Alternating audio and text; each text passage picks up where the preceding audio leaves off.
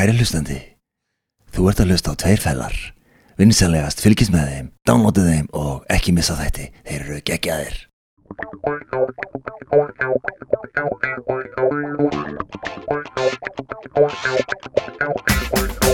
Góðan og blessan daginn og eru velkomin í nýjönda þáttin af Tveir fellar Ég heiti Óli og ein- Einar Ingi er hérna þáttastjóndi með mér Já, æ, og í dag erum við með gest, það er hann Þorgrímur Þráinsson Góðan daginn, Góðan daginn, gaman að fá að vera með ykkur.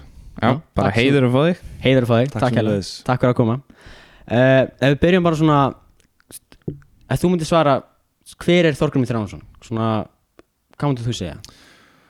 Ég hef aldrei verið spurður þessara spurningar áður. Ekki, Ég, nei, ég myndi bara frekar segja, ég myndi svara þessu einhvern veginn bara fyrir fótboltamaður, skrifa bækur hér tíma, held fyrirlestur alla dag á veturna, er tvo mánuð ári með landslíðin í fótbolta, þetta er svona basically það sem ég geri mestan hluta ársins, Mm. þetta er verkefni sem ég hef. En ég er ekkert að skilgruna með hver ég er svona virkilega. Lífið er bara dásanlega og skemmtilegt og mér skaman að vera ég Mm. og þau tækifæri sem ég fæ. Já Hvað svona, hvað er þetta skemmtilegt að gera á öllu þessu sem taldur ég var að fara að spyrja þér Sko e, Mér finnst algjörlega frábært og mér stundum bara skrítið að tala um það. Mér finnst algjör forréttindi að fá að hitta ungt fólk á hverjum einasta degi á veturna og halda fyrirlestra Ég er búin að gera það í 12 ár, mér það forréttindi að fá að reyfa við fólki. Mér finnst geggjaðinn á milli að geta stungið af og skrifa bækur. Þá detti bara einhvern hugarheim. Og svo fríi frá þessu hvoru tveggja og líka frí frá því að vera bara þryggja batna faðir og eiginmaður er að hoppa með landsliðinu hvort sem það er til Kína, Indonésiu San Francisco eða bara á Hilton og vera með leikmönnum sem eru bara í hæsta gæðaflokki þar sem allir eru að leggja sér besta gera sitt besta dagstaglega og vera í svona, hvað ég segja svona atunumanna hugsun 24-7 þannig að ég get ekki gert upp á milli þessa þáttar sem ég er að sinna svona reglulega þannig að skemmtilegast að gera, jú ég get sverað að mist geggja fyrir golfi. Golfið er bara einhvern veginn svona inn á milli einhver huglegsla þannig að ef það væri betra að vera á Ísland og ég hefði aðeins meiri tíma þá myndi ég reyna að spila golf alltaf Mm, er góður í góli. Mm. Ég get ekki sagt að ég held ég sé með 15 í forgjöf, ég spilaði golf því ég var krakki í Ólafsvík á ykkar aldri. Og svo því ég fór til Reykjavíkur og fór að spila með val og var fjölskyldumar þá slefti ég golf í 30 ár þannig ég byrjaði bara aftur fyrir svona 5 árum. Mm. þannig að þetta er bara spurningu forgangsröðin í lífinu, stundu þarf maður að leggja þá hilluna sem maður er bara hvað ég segja fjölskyldin er nummer 1, 2 og 3 á tímabili. Og þá var hann bara að sinna því. En na, þú sagðir áðan na, að þú á hverjum einasta degi á veturum að tala um krakka. Er það sérst hverjum einasta virkadegi Já, mennast að virkadegi. Þannig að eru 140 skóla rúmlega með nefndur í tíundabekk á Íslandi og ég var í Hagaskóla bara um daginn og það eru sjö tíundabekkin þannig ég fór þangað sjösinum Já. Þannig að, að ég er að halda svona meðaltali á hverja einasta ári í kringum 200 fyrirlestur í grunnskólum. Og það tekur mig alveg frá lokum ágúst og fram í já, bara fram í mæ að klára skóluna Þannig bara, ég tek alveg bara Austurland kannski á þreim vikum, vestfyrði á tíu dögum. Ég var á Akveri núna í februar í tæpar þrjár vikur allt Norðurland, þannig að ég var á Blöndósi næsta miðvikudag. Þannig að líf mitt er bara svona alltaf bíll, keira fyrirlestrar. Hmm. hmm. minnst alveg ekki þannig að ég er aldrei í vinnunni, bara svo ég ætla að segja ykkur, ég er aldrei í vinnunni. Nei, þetta er ekki vinna þegar maður er í ástriðinni eins og Já. þið núna, nú er þið að taka viðtal. Já, ég sé það á ykkur til áhugamálið ykkar. Þetta er ekki ef þið farið að vinna við þetta í framtíðinni þá er þið ekki í vinnunni þegar að sinna áhagamálunni en þið fáið að borga fyrir þetta. Já, Mm. það er það er bara það er draumur. draumur hvers og eins að geta í framtíðinni starfa á þeim vettvangi þar sem maður er ekki að vinna heldur en maður er í ástriðinni Mhm. Þannig þú ert búin að finna þína svona ástriði sem já, vinnu já. en á, síma, á sínu tímastráka þá var ég að vinna í fiski og ykkar aldrei ég var að páska um jól á sumrin að vinna erfiðis vinnu Mm. ég var að vinna sem handlangari fyrir pappa sem var múrari ég var að vinna á vörflutningamiðstöðinni að halda á pinglum og draga svona trollera veist, allan daginn sem var bara gríðarlega mikið reynsla og erfið vinna. En svo allt í hennu bara finnum að sína fjöl, ég var bladamaður, ég var rittstjóri, gerðist rittöfundur fótboltamaður og, og svo framvegist þannig að allt í hennu bara ákveðinu tímapunkt í lífinu áttar maður sig á því að þetta er fjölin mín hér líður mér vel hérna er ég í ástriðin og hér ætla ég að vera. Mm. og það er bara ekkert allir sem ná því vegna þess að ég segi stundum við fólk ef það mætir í vinnu á mánudegi og býður eftir föstudegi þá er ekki á réttum staði í lífinu. Já, Já, það ef maður er alltaf að býða eftir föstudeginum og geta dott í það eitthvað þá er maður ekki á réttum stað. Þannig þú allir dagar eiga að vera geggjaðir. Þannig- en manna, bara, en annars samanskapistrákar þá, þá er, komast ekkit allir þangað. Sumir þurfa bara, eiga ekki sumir möguleika, eru kannski illa mentaðir eru kannski oft, hafa óttin stjórna þeim, erfitt að breyta til þannig að sumir hugsa, hugsa kannski bara þetta er mitt hlutskipt í lífinu ég er því miður bara á þessum stað og ég ætla bara að sætta mig við það aðalmáli er það sem ég er að tala við ykkur í þessum skólum er nákvæmlega þetta hafðu hugrekki til að finna ástríðuna mm. og þeir eru búin að greinlega að mínum að ég sé bara á augunum ykkar, þeir eru búin að finna ykkar svo Já. kannski breytist eitthvað þegar þið farið í framhaldsskóla eða Já. farið í háskóla eða þannig en ég held að þið munið allavega tengjast því sem að gera hér í dag Mm. eitthvað fram eftir. Já, vonandi. Það var geggjað við nútustuði Já, Það var já. ógeðslega gaman. Vonandi heldur þessu svona áhugi áfram skilur Já, svo finnið þið kannski bara allt í hennu kviknir áhuga að búa til leikrit eða bíómyndir eða heimildaþætti eða sjónvastætti og þá bara þarf maður að hafa hugrekkið til að stökkva í það. Já, já. Já, Bre breyst, Breytist þú einhvern veginn veist, Svona frá ólingi yfir í mann mann Ég get alveg sagt ykkur það að ég var ógæðslega feimin og óframfærin á ykkar aldri ég hafði ekki hugrekki til að standa upp fyrir fram að bekki minn og lesa eitthvað upp fyrir bekkin ég róðnaði og blánaði.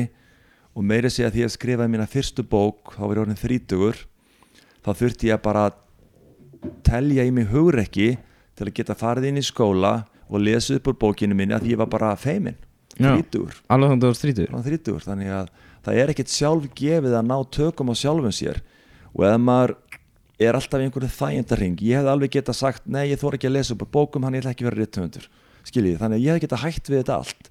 En þegar maður er búin að vera keppnismæður og afreiksmaður í íþróttum það sem maður þarf að leggja mikið á sig til að komast í lið komast í landslið og verða Íslandsmeistari, byggamestari eða hvað það nú er þá áttar maður sig á því hvað það skiptir óbóðslega miklu máli að leggja sér fram í öllu sem maður gerir dagstæðlega þá opnast dyr og þá þarf maður að hugra ekki til þess lappinu dyrnar og fylgja því sem maður langar til að gera En af hverju breytist þú? Veistu það?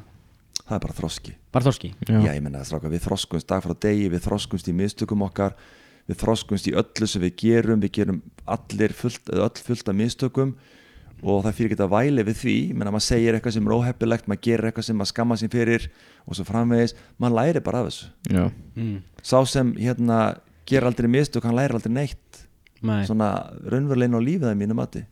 Þannig að Og mér sé enn í dag er ég að gera mistök og ég segi eitthvað sem er óheppilegt, kannski segi ég eitthvað í þessu viðtali sem særir einhvern eða, eða kemur mér í bobba, það er þá bara, þá þarf ég að takast á við það.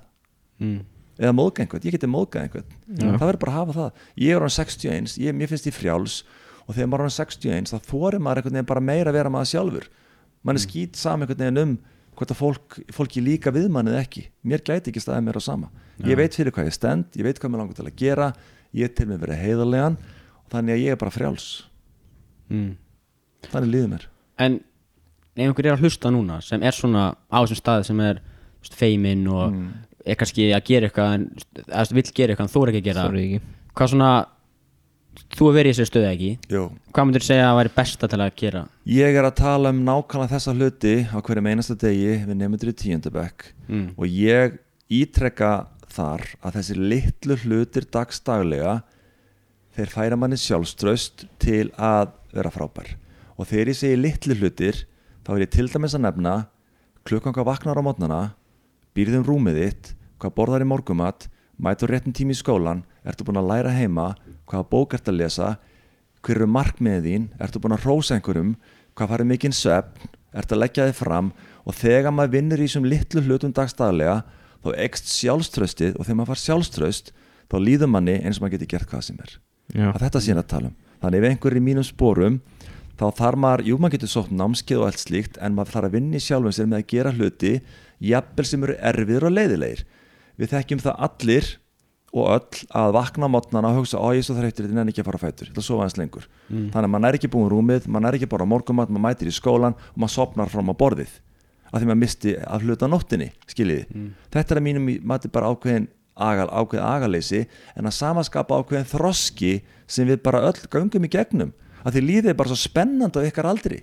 Þið eru bara 16 ára gaurar allt bara geggja sem þið gerið og nóttin bara í tími ekki fara að sofa svo gaman á Já. internetinu og svona. Ég skil þetta mjög vel, þetta er ákveðin þroski.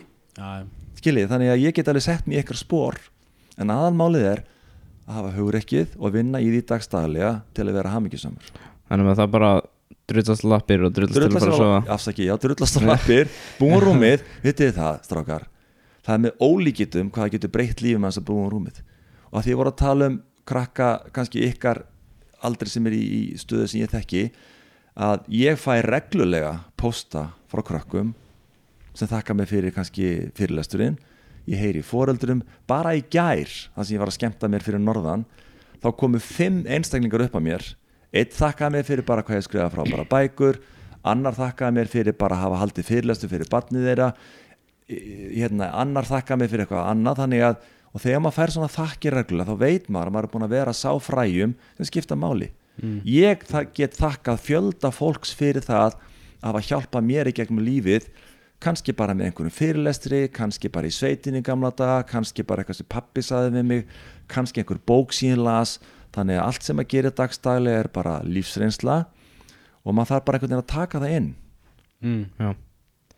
En af hverju gerir það sem gerir? Af hverju viltu peppa hana fólk? Hvað, mitt hlutverk í lífinu er að þjóna öðrum af hverju? Er ég svona, bara finn það finnur það bara? Já. Það bara kallar að ef ég myndi nú spyrja þig af hverju ertu að taka þetta viðtal hverju myndi þú svara Af því að mér líður sem ég muni græða á því og bara skemmtilegt. Já, þeir, ég sé að þú, ert alveg að njóta þín í þessu hlutverki og ég er algjörlega að njóta mín í því að vera fyrirlesari og hreyfaðu fólki og þess vegna hérna, er ég í þessum störfum sem ég sinni í dag. En ef ég væri beðin um það að gera eitthvað allt annað, að fara á sjóin í halda ár, ég hugsi ég myndi stökkva á það bara til að augra sjálfu mér. Ég aldrei verið sjómaður, mér langar til að vinna kannski erfiðis vinnu, vaka lengi, vera í blöytum hönskum eða hvað það nú er. Menn ég gekk í gegnum þetta því ég bjó í Ólasvík það er ógleymanlegt því ég var held ég 12 ára og grunnskóla Ólasvíkur var lokað vegna þess að það var svo mikill fiskur sem kom á land. Þannig að við bara í 12 12 ára bekk hei krakka þeir að fara að vinna. Átti fyrir máli, mæti fristúsið vinna til 12 um kvöldið. Maður var þreyttur, maður var með blöyta hanska með salt í augunum. Þetta er einn mesti þroski sem ég gengi í gegnum. 12 En- ára Já, 12 ára, en þetta verður örugglega barnaþrælkun í dag. Já. þannig að þegar maður Já. býr í sjávarþorpi fyrir einhverjum 40-50 árum þá var þetta lífið og gríðalegu þroski. Í dag vilja flestir fá allt upp í hendunar mm. ég nennu sig ekki, þetta er erfitt ég ætla að gera þetta setna, ég ætla að gera þetta setna svo vaknar fólk upp kannski 25 ára ómentað í lélugu starfi óhæmyggjusamt og lítur kannski á ykkur sem er að elda draumin ykkar 25 ára Mér var skeggja sko, ég byrja að vinna mjög eða ungur sem telst núna í dag, ég byrja að vinna 14 ára. Sáttum í bónus sem ég held ég mátti ekki einu sinni vinna svona ungur. Mm. En það var geggjað að fá svona vinna og vita er að þú veist geta Já líka bara að fá útborga Já, fá útborga, það var Já. svakalegt sko í fyrsta sinn. Vera kannski bara kerrónum í bónus og hjálpa til og þetta, þú, þá varstu bara að þjóna þú varstu bara að þjóna öðrum. Það göfuasta sem að gerum í lífinu er að þjóna öðrum með einhverjum hætti. Ég er að vissuleita að þjóna ykkur með að koma í þetta viðtal Já, Já. ekki rétt. Já, jú, það er bara svo leis það er þannig að svona er lífið. Myndið þú segja, hefur sér myndina Yes Man með Jim Carrey? Ég, veist, ég, Dim Carrey er minn uppbóðsleikari mm. ég man að, veist, ég er óbúslega fljótur að gleyma bíómyndum, þáttum, leikritum hvað þau heita en ég gæti munað eftir ef ég sæi byrjunina. Þetta eiginlega bara segir sjálf yes, hann men. getur ekki sagt, er þetta, er þetta myndina sem hann sko getur ekki logið eitthvað svo Nei, getur ekki, má bara ekki segja nei, þarf að segja já, ég er búinn að sjá hann, ég bara man ekki að ná vel eftir henni. En myndir þú segja að þú veist að þú myndir svona styðja það að vera að segja yes, að segja já, þú veist? Þegar maður les bækur um það á árangur lífinu þá er alltaf sagt þú þarft að kunna segja nei Já, já, ok, reyndar, já. Hann þarf að vita ef maður er alltaf, að, ef maður er alltaf sko að stökkva á allt sem maður er byggðin um að þá kannski slítur maður sér dálítið mikið út. Ég hef ekki lært nógu mikið að segja nei vegna þess að ég vil hjálpa öðrum. En ég er aðeins að læra það. En þegar maður heyrir svona í svona ungu metnaðgjörnum gaurum eins og ykkur þá er ég svo auðvelt með að setja mig í ykkar spór þannig eru þið bara einhver ungir flottir strákar sem bara hafa áhuga á þessum viðfónsefni og ég vil bara hjálpa ykkur á þeirri leið skiljiði? Mm. ég er ekkert að færa í svona vital til að auglýsa mig. Ég þarf ekkert að halda og mér langar ekki til þess. Ég er inni bara komið í þetta vital til að bara þið getið tekið eitt skref fram á við. Já, takk hella. Já? Takk fyrir það Aldur. Það er, já, Hvað svona hljómar þetta skringilega? Nei, Þjóna alltaf öllum? Nei, ég menna Ekki hljómar alltaf. að skringilega en þið skiljið hvað er að fara. Já, ég skil. Já, heldar samhengi í lífinu. Já. menn í gær var ég að halda fyrirlestur skiptir ekki máli fyrir bara afreikslið í handbolta sem er ekki einu sinni valur mitt félag. Og, og þjálfarinn spurði hvað kostar þetta? Ég sagði þetta kostar ekki neitt.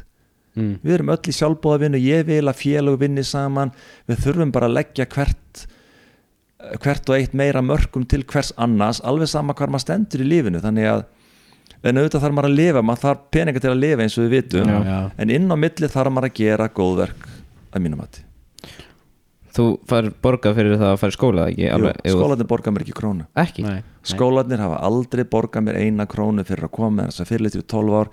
Ég hef notið velvildar fyrirtækja Já, sem líta á það sem samfélagsverkefni að ég færi í skóluna. Mm. Hagkaupa bónus styrtum í þrjú ár. Já, Bláa lónið og, Æslandir styrtum í síðan. Síðan N1 og Brim. Núna eru N1 og Brim að kosta mér í skóluna næstu þrjú árin. Vegna þess að þarna eru einstaklingar sem stjórna fyrirtækjunum og þeir bara þekkja mig, þeir hafa hlustað á mig og þeir segja þorgum við viljum að þú tali við ungt fólk, við ætlum að borga brúsan mm.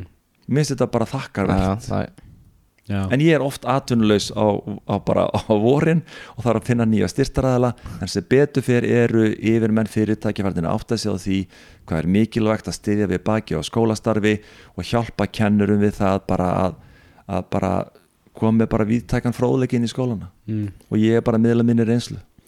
En hefur alltaf verið að hjálpa öllum eða breytist það einhvern tímann? Ég sko í grunninn er maður ákveðin karakter mm. og ég held að það breytist ekkit mikið í gegnum lífið. Nei. ég viðkennaði alveg að þegar ég var ykkar aldri þá vilji, hefði ég viljað hafa meira hugrekki og, og ég er sannfarður um ef ég hefði verið sko, hvað ég segja grimmari karakter þá hefði ég náð lengra í íþróttum. Ég var bara pínu of góður skilju menn sem lýsið því bara að ég spilaði sko tæplega 200 leiki í efstu til í fótbolta ég fekk tvö gul spjöld allan ferilin minn tvö gul spjöld, Já. annað ósangjart og ég var varnamaður sem á að vera að tækla mennskilið. Þannig að það er svona ákveðin klókindi og bara góðmennska að fá ekki fleiri gul spjöld. Og það kannski endur speklast kannski bara í lífið sjálft sko. Mm. þannig að, nei ég hef ekkit jú ég hef held ég hef alltaf verið svona grunninn. Já, mm.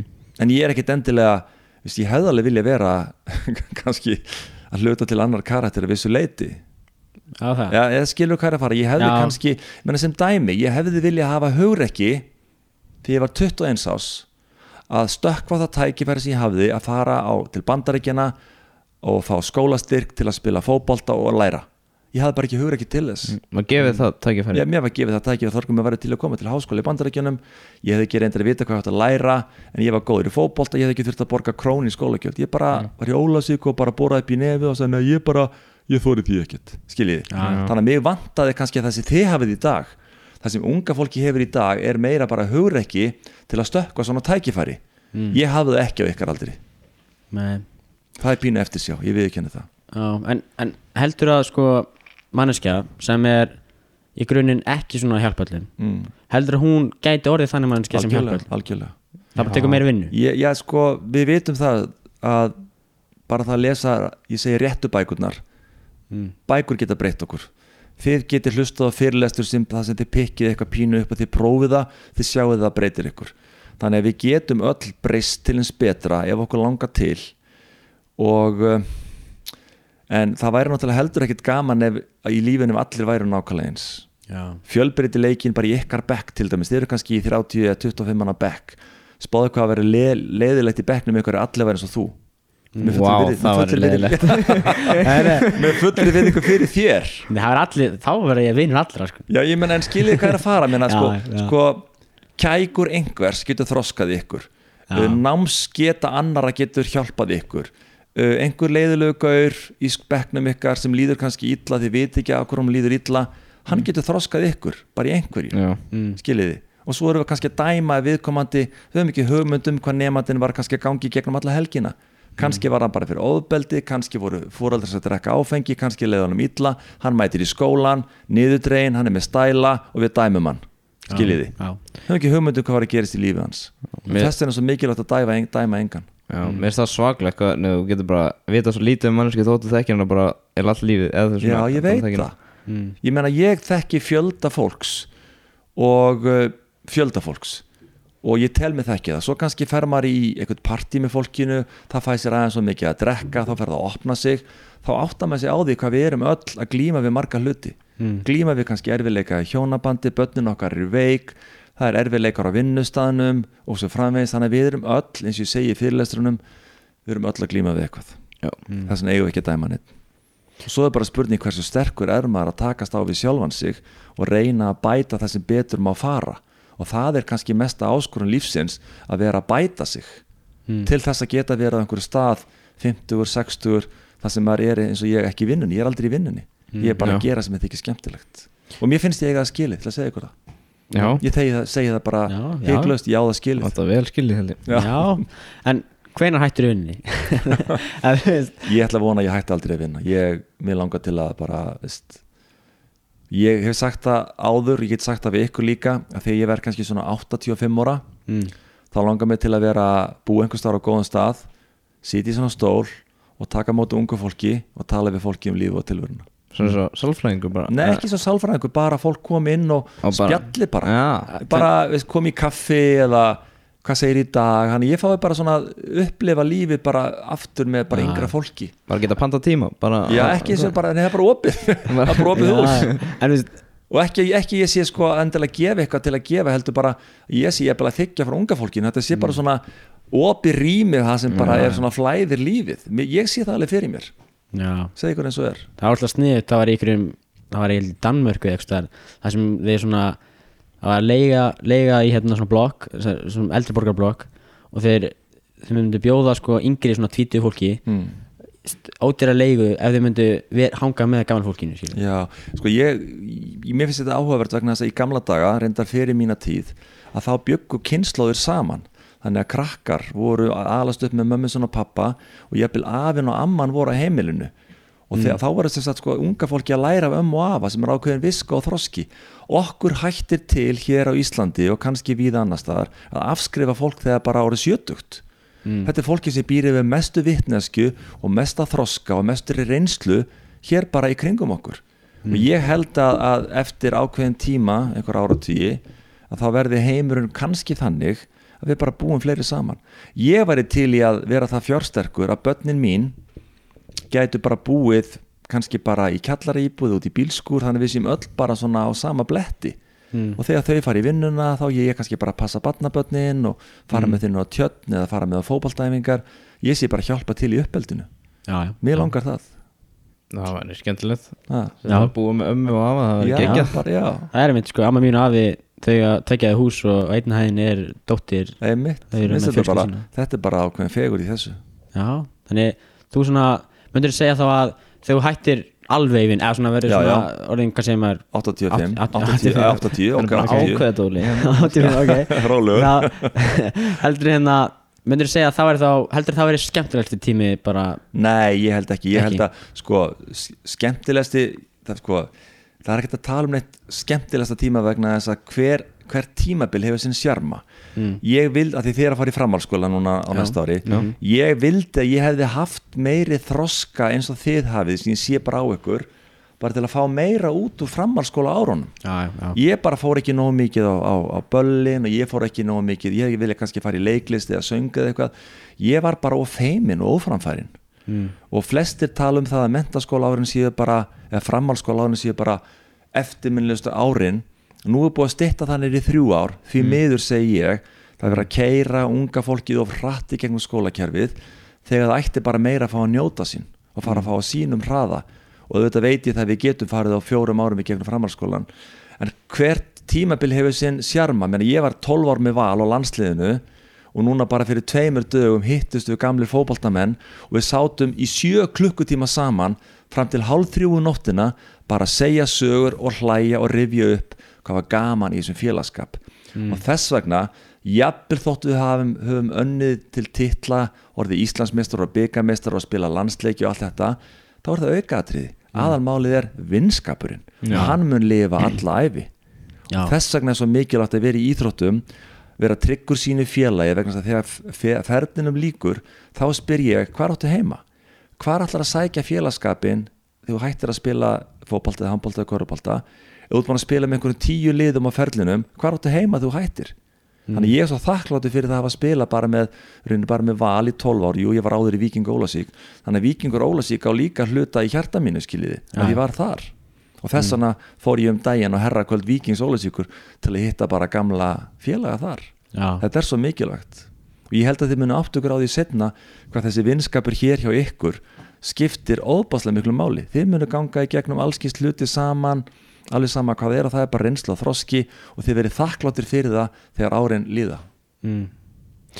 En En myndir þú segja Þú varst í fiski já, og sveit? Já, Það er, úlingar Það eru mjög fári í þessu núna sko. Það. Myndir þú segja að vera Sveit- slæmt eða gott? Sko, tíminn breytist og mennitin með og tæknin og allt þetta. Þannig að ég held hins vegar að við og þið, ekki síst þið sko missi hvað kannski ákveðna tengingu við það sem skiptir óbærslega miklu máli. Þegar ég fyrir skóla í dag þá sé ég unga fólki með síman sinn það situr á göngunum og horfir á YouTube myndbönd, er á Instagram eins og það er með lífið í lúkonum þegar ég í skóla það sem er símabann og þeir eru svona 15 skólar í vetur sem ég séð það er símabann, það eru krakkar að tepla þeir eru í bortennis, þeir eru að búa til skuttlur þeir eru að spjalla, þeir eru að leika sér það er, það er allt annar andi þannig skólum og ég er sannfærður um að innan örfára ára munu skólastjórnendur átt að sjá því að sími á ekki heima í skólum mm. jafnvel þótt einhverju segja við þurfum að nota þetta í kennslustund þannig að talandi um tengingu við sveitin og þetta já, ég held að sé slæmt að börn í dag fá ekki nógu oft að fara út á land og upplifa bara að láta kalfa sjú á sér fingurinn horfa á lömpfæðast, fá að mjólka kýr fara á hessbak, fara að taka eggundan hænunum. Ég held að krakkar í dag viti ekki af hverju eru að missa. Já, og ég get alveg sagt ykkur það og ég mun einhvern tímann kannski reyna að gera það. Minn draumur, ég á mér eitt draum sem verður kannski að veruleika kannski ekki, ég veit ekki hvort ég þekki nógu öfluga einstaklinga sem getur hjálpað mér með, með það. Mér langar að geta haft aðganga sveitabæ mm. það sem krakkar kannski 12, 13, 14, 15 koma á sömrin og þau eru kannski að fara í göngutúr á mótnana, borða hóllan mat þau eru að lesa, þau eru að læra að skapa til skrif, þau eru að hugleiða þau eru að fara á hessbak, þau fara með veiðistöng út í á og veiða fisk þau fara upp á fjall, þau fara í göngutúra þau fara á, kannski fjórhjól þau fara að taka móti lömbum mér langar til að búa til aðstæðar einhverstaðar, ég er bara ekki nógu fjársterku til þess. Já, að þannig að krakkar geta komið í sumardvöl í viku tíu daga og verið í geggjuð umhverfi í tengslu við náttúruna. Mm. tína ber farin í fjöru og finna bara sjóin koma og fara leita skeljum uh, mála, syngja gera hvað sem er, vaka á nóttinni horfa á stjörnurnar. Mér finnst þessi tenging vera að hverfa nema að sjálfsög hjá þeim sem eru svo hefnir að búa við þessar aðstæður já, Já, og þetta er einn af mínu draumum, ég veit ekki hvort það verður að veruleika en mér langar til að gera þetta í framtíðinni mm. mér finnst það er geggja að vera með sveitana sko, svona Já. andurs. það er, er fátt skemmt að að hespa og eitthvað. fá að kúpla sig frá símum sjónvarpi, Mm. öllu þessu þessum hraða, við erum öll krakka, við erum öll á þessum sko hraða dagstaglega, við vöknum, það er skóli það eru fríminútur, það er heimalerdumur það er æfingar, það er sjónvarpið allt þetta, það er alltaf sjaldan sem við gefum okkur tíma til að bara setjast niður, slaka og velta fyrir okkur ok, hvernig líður mér? Er ég á réttir leið, er ég búin að gera góðverk í dag, er ég búin að hrósa einhverjum?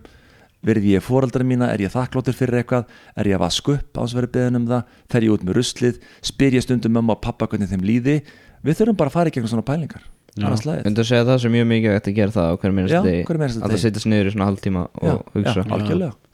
Síðast þegar ég var alveg án síða, síma og bara í hotjóka sko. Já og það sem ég er ekki nefnilega að tala um að setja ég, ég er líka að tala um bara að þú getur gert þetta í hálftíma göngutúr. Já, bara þú getur gert já. þetta í hálftíma bara með hlusta fallega tónlist. Já, en bara sleftu símanum, sleftu áreiti þannig að þegar, þegar maður sleppir áreiti þá svona, veist, fer maður að kafa hingað og það er bara svo mikilvægt. Líka bara fyrir mig og okkur. Skil ekki bara fyrir ykkur heldur ekki síst fyrir okkur sem eru fullarinn Ég man, manstu þarna þeir slefti símanum í viku. Já, já, þú reyndir það Ég reyndir Ég reyndi það, ég, ég náði fimm dögum að hans með síma. Já, Það var svaklega, veistu hvað, ég náði að gera mikið bara allt annað en síma. Ég leiði mér að hlusta á tónlist já, já, og ringja í símanum. Það er einu sem ég gerði. Og það var ógeðslega gaman ég lærði miklu meira, ég fór miklu meira í líkansveitina Og ég bara, þú veist, gerði miklu meira heldur en bara vera í síma og hanga og En vídeó. hvað þú gerir, þú skoraðir sjálfaðu hólm þú settir kannski markmið og þú náðir því bara í fimmdaga sem er frábært og þá sérðu bara hvernig hvað gerist í lífiðinu þegar maður sleppur því sem er ákveðin fík Já, það er ákveðin sífík og ég er alveg þannig stráka líka, ég er ekkert, að, ég er ekkert endilega betur en því, ég gríp síma minn allt of oft, ég viðkynna það. Þótt ég sé á þessum aldri, sko, þannig að ég tel að skólakerfið, foreldrar og við þurfum að hjálpa unga fólkinu til að sleppa símánu sínum oftar. Jafnvel þótt að þar sé tæknin að þar sé bankareikningar að þar sé sími og tölv og slikt við þurfum bara, þess að allt í hennu bara munum við hlaupa á vegg og átt okkur á því hingað ekki lengra, það er eitthvað að gera sér heldur það ekki bara að æfa þetta? Æfingar Jú, jú, æfingin væri svo að koma í sveit til mín og vera þar já. í tíu daga Já. tengjast náttúrunni, kemur aftur heimtíðin allt svona breyttur maður að vissuleiti Mm. og þegar þú breytist þá fer að breyta öðrum. Og þegar sá breytist þá fer að breyta öðrum. Þannig að við getum kom, búið til svona jákvæða reyfingu í róliheitum einn maður, sjáu þið Gretu Thunberg sem er að berjast fyrir loftlasmálum hún er eina að reyna að breyta heiminum hún hefur áhrif á aðra sem fara að gera eitthvað. Menna, þið eru bara í rauninni dagstæðlega að reyna að breyta ykkur sjálfum. Þið eru bara já. að glíma við ykkur sjálfa. En hún er að reyna að breyta ég vil spilt um stjórnmálamönnum sem hugsa kannski bara um eigin velferð og sína peninga og reyna bara að vera ríkir og frægir, ekkert annað. Já. þannig að við erum að berjast við allskins öll í samfélaginu, út í heimi og sumir hafa hugreiki til að taka slægin aðrir hafa ekki hugreiki til þess. Mm. ég hef ekki alltaf haft hugreiki til þess, ég viðkynna það. Já, já, já, það er alveg bara hvað sem er mannslegt eða? Ég það er bara mannlegt, er bara heldur að við gætum eins og segir breytt öðrum í, í gegnum podcast? Algjörlega. Heldur það? Það er létt, er bara við, ef ekki þið létt. bara, sko, já, ég menna, þið voruð að tala við Ingo við ykkur hann bara hefur eitthvað að segja og, og þá kannski grípar einhver eitt það sem er sum áhamála hann. Kannski er einhver núna að hlusta okkur hér og heyrir einhverja setningu frá mér og les kannski einhverja bók sem ég bendi á eins og til dæmis bókin að borðaði froskin sem er nýju uppáhaldsbóki mín. Hún er 120 blað síðan að lesa hana á bara einum og hálfum tíma. Hún er bara svona kennslubók um lífið.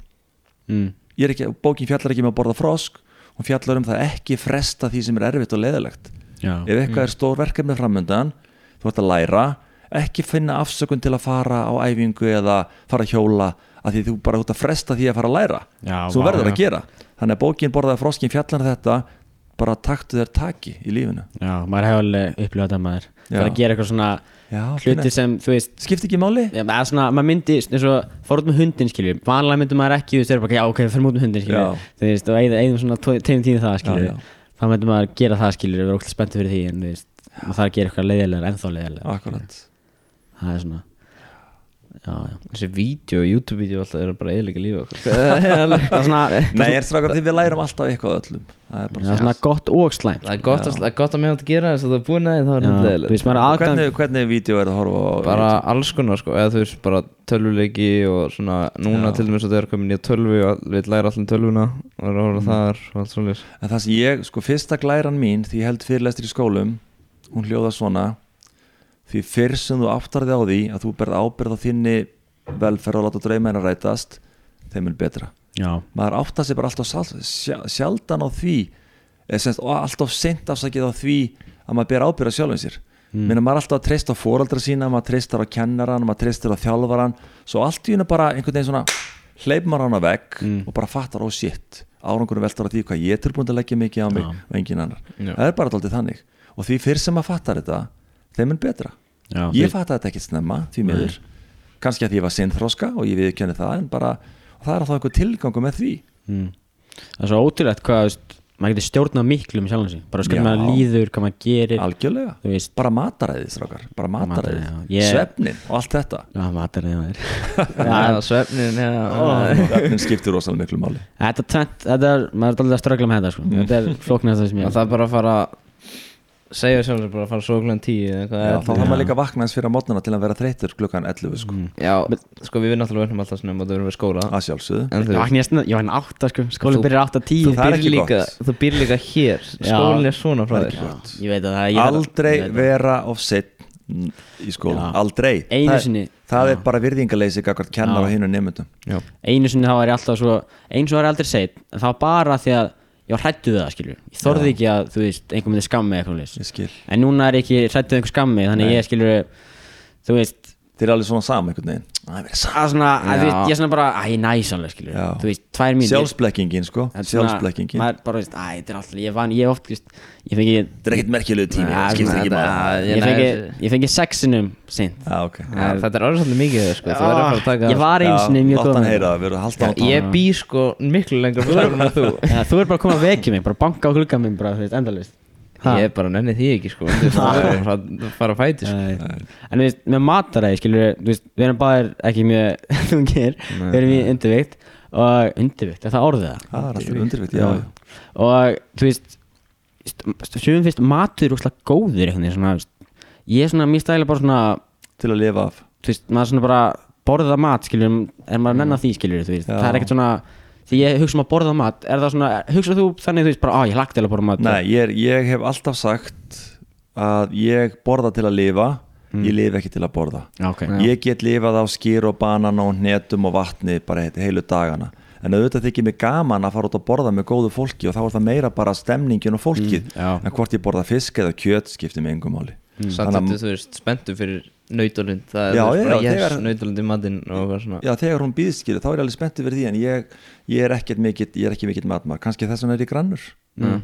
það er bara þannig. Já, með eitthvað sens skilur þú veist að ég er að borða nautasteik þá er að það er alltaf öðrum stemming að ég er eitt skilur Já, veist. já, það er myndir bara það er ekki, þá gúffa maður nýsi bara, hann gleipir Já, þetta. ætlum bara að ekki betur þegar fólk skilur, skemmtilegt fólk. Já, já, alveg örglega, borða maður líka hægar. Já, já Þetta er hann hálfgjör að mata þáttur hjá okkur. Hattu þáttur En mér finnst gott hjá okkur, þið sitið hérna og þið lítið ekkert á spurningar, en mér finnst það frábært. Já, Við það erum er, bara með það er sko- sko, Það er, rosa, það er bara rosa flott hjá já, okkur. það er hérna í minnispunktum sko. Já, Hlusta, það er rétt. Ekki fóka svo mikið á spurningar. Hlusta, hlusta og spurja á það sem tengist. Já, þið eru alveg með þetta. Já, og svo er hérna fun. Já, þetta er gaman, já, hjá Það er- okkur. Það er sko, en er hérna Rúnar, hann er að skoða listan. Sjá hvort þú sem að gleyma einhverju svaklega Já, mikilvægi. hann er, hann er, hann er hérna, hérna eftirlitsmaðurinn bara. Strákar ekki gleyma þessu. Já, það Erfið er- erfið spurning, ekki slepp honum. Það er spurning, já. Þannig, en ef við klárum hérna fyrstu kaplan sem Já. bara, hver er Þorgrymur? Erum við ekki eins og búnum? Við erum vel að farnir í svona juicy stöf sko. Þú veist, þú ólst upp í Ólasvík Sko, ég er fættur nákvæmlega á Tómasaraga 37 í Vesturbænum. Mm Flutti síðan á, á Landakotstúnið Ok, þar sem ég skrifaði bókina Ertu Guð afi, hún eiginlega gerast á Landakotstúnið þar sem ég ólst upp. Ok. Síðan bjó ég í Kópavogi þrjú ár og tveimur stöðum þar og flutti til Ólasvíkur 11 ára. Ok, og þar var ég til 21 en þar sem frá 11 til 20 sér svo mikil mótunar ár þannig ég líti á mig sem Ólsara. Já, jafnvel þótt ég sé fættur sko í Já. sem valsari. Já, ég segi það bara á tillitugum þannig að það er ákveðin kannski kostur og þroski að hafa flutt oft að maður fer svona í nýtt umhverfi. Mm. ég man til dæmis ég flutti til Ólasvíkur 11 ára að þá bara faldi ég minn í skáp þegar einhver kom og dinglaði dyrabjöllun og alltaf að fara að leika við mig. Og ég sagði ég er ekki heima, ég er ekki heima. Ég er bara feimin já, já. þannig að það er bara ákveðin þroski líka en, en þannig að ég er landsbyðarmaður í hjartanu ég verði að viðkjanna það og elska það að keira út á land því ég þarf þess en mér þykir líka rosa gott að vera í Reykjavík til þess að geta farið í leikhús og farið á kaffihús og farið á listasýningar og haft allt sem mér finnst gaman að sjá já. en ég, þegar mér líður illa þá keiri ég út á land Já, Já. bara út í sveit og og keir á Snæfisnes Fer út í bílnum eða bara ert í Já, bílnum? nei, bara keir út á land og fer svona á gömlu æskustöðvarnar sem af og amma byggu og þarna var ég að veiða og hérna er bara hótelbúðir og gamla hraunið mitt og fjallið skiljiði Mm. bara svona Bara aftur, hva- já, bara einn. Bara einn stundu býði einhverju með mér sem byrði ekki gaman að sem ég veit að þarf á því að halda líka bara til að spjalla. Mm. ég gaf einmitt bara því ég var í ammali í gær þá gaf ég þeim sem var 50 gjöfi mín til hans var dagsferð á Snæfellsnes. Ég er bílstjórn og hann má bjóða með sér þremur. Hann er að gefa upplifun. Ég er ekki að gefa bók, ég er ekki að gefa út að borða ég gefi upplifun. Okay, Alltaf? Já, all, já, upp, upp, já upp á síkasti já. Já, ok. Að því að veist, heil dagur á Snæfellsnes sem er góðu vinum það er bara ekki ímyndað ykkur. Það er bara geggjað. Það er Já. mjög skemmtilegt. En afiðin á prestur. Afi mér var prestur, já, og ég ólst upp í honum mikið til á, í sveitinni. Og var alltaf í sveit innan um kýr og Mm. hænur og endur og hunda Mm. og kindur. Þannig að ég er svona bara sveitamæður í eðli mínu. Já. En síðan var kvartningamæður vals eða stopnandi Hann var líka prestur Séra Friðrik, já. já Séra Friðrik Langaði þið aldrei til að vera prestur? Hvað varst að tala við ömmu gegnum miðilið eitthvað? Ha, ég segir eftir hvað Ég viðurkenni það að, að mér langaði aldrei að vera prestur Ég get alveg sagt þér það mm. En hins vegar, því ég var í sveitin í gamla daga Já, þá sögðu margar konur þú væri nú bara góður prestur eins og Já. þinn ég hef alveg heyrt það oft Mm. og svona því ég lít tilbaka þá held ég hefði alveg geta orðið ágætis prestur en, og, og hérna en ég bara kannski, mér var ætlað eitthvað annað já, og en ég hef margóft tvisar í bústaði kirkju eina, einu svona grenjast að ég hef margóft haldið erindi í kirkjum já, já, já. skilur við bara fyrir að því að prestarnir byggði mig um það þá er ég bara að tala um lífið og tilveruna Mm. þannig að mér þykir það skemmtilegt og þá er ég að reyna að reyna að reyfa við fólki líka já, já. eða tala bara að vera einlægur og tala um lífið og tilveruna Gerir þú ekki eiginlega bara svona svona þitt starf er svona líkt í að vera prestur myndi, eða svona, svona hugsa ég svona, ég veit það ekki ég, ég sko, hva, hvert er hlutverk press Sko, eiginlega já, ekki bara peppa fólk eða svona að svona hjálpa því að Já, komast hjálpa. inn á réttubrutina jú, jú, það er rauninni sko ég Já. held að við séum öll prestar einhverstað inn við beini sko. Já. eða kannski, svo eru við kannski líka bara kennarar eða ævintýramenn eða þannig að maður það bara veist, eins og ég, segi, ég bara segja aftur sem betur fyrir eru við öll mismunandi já, en jú, jú, það getur vel verið. Ég, mér finnst ég í rauninni bara að vera meira kennari ég er farand kennari Já, já, að ég er að fara í skóla og tala við krakka þannig ég er pínu kennari. En er ekki bara kennari pínu prestur líka? Já. já. Svakalega væri komið prestur með. Ah, þú ætti eiginlega bara að gera það veginn nei, nei, ég teka það í næsta lífi kannski er ég búið með það, ég veit það ekki. Þið varstu Ólasvík, já, hvernig svona lékuð ykkur krakkanir vá, Ólasík oh, örgla bara eins og selfossi og ykkur nei, ég alveg er talað að búa út á landi er bara eins og þorpið sé alamann upp. Mm. maður bara fór út á mótnana að sumri til, jú maður var í vinnu en einhvern veginn maður fór upp á fjall maður var í fótbolta, ég var í fótbolta, öll, fótbolta öllum stundum, maður var bara að leika sér. Eða gerði brjálað veður þá fór maður út í snjóskabla skilur, í dag það er svo bara brjálaði veðri, haldið ykkur inni passið ykkur rauðviðvörun, Já. passið krakkan ykkar. Tölvuðir núna bara, hérna, ekki hlaupa, þú getur meitt þig ekki klifra, þú getur dottið farðu varlega, Vist, þetta var ekki svona. Nei, nei. þess vegna eru kannski við þessi kynnslóð pínu harðari af okkur heldur en mjúka nýja kynnslóðan sem við þið jafnvel þó þið séu miklu hæfileikaríkari. Já. en við bara fórum í gegnum svona pínu erfiðari tíma. En Ólasík var bara æðisleika öllu leiti, öllu leiti. Fiskurinn og fótboltinn og skólaárin og erfiðleikarnir og femnin og allt þetta, þetta var bara dásanlegt þú varst daldið mikið raftan húsi þetta æfi fótboll og svona á íþróttum. Varst ekki mikið svona íþrótt að kalla Jú, ég var eignaði spjót snemma. Já, þannig að ég var í spjótkasti bara sem 7-8 ára gutt í sveitinni. Og ég bjóð til minn eigin spjótkastvöll í Ólasvík og var að kasta þar og mæla. Já, og þar var líka fótboltavöllur en ég var mest oft bara í fótbolta með vinum mínum sko. en það var samt tún fyrir aftan ennisbrutuna sem ég bjó. Það var bara svona vettvangur okkar krakkan að leika okkur. Og þá gæti maður bara vakað alveg bara framöndu nóttu á sumrin. Á og sjálfsögðu, maður þurfti ekki að vakna snemma. Hvernig svona hvernig var svona hvernig fannst þér svona þína svona uppeldið æska svona á, var eitthvað munur á Ólasvík hefur þið búið kannski í Reykjavík svona Sko ég náttúrulega bjó í Reykjavík fram að tíu ára aldri. Mm, og ef ég á kannski að segja ykkur að ég er oft spurður að því er einhver munur á krökkum á landsbyðin og í Reykjavík? Já. ég myndi segja bara fljótu bræði nei. Mm, mér finnst allstar það sem ég kem er að bara flottir, heilbriðir frábæra unglingar.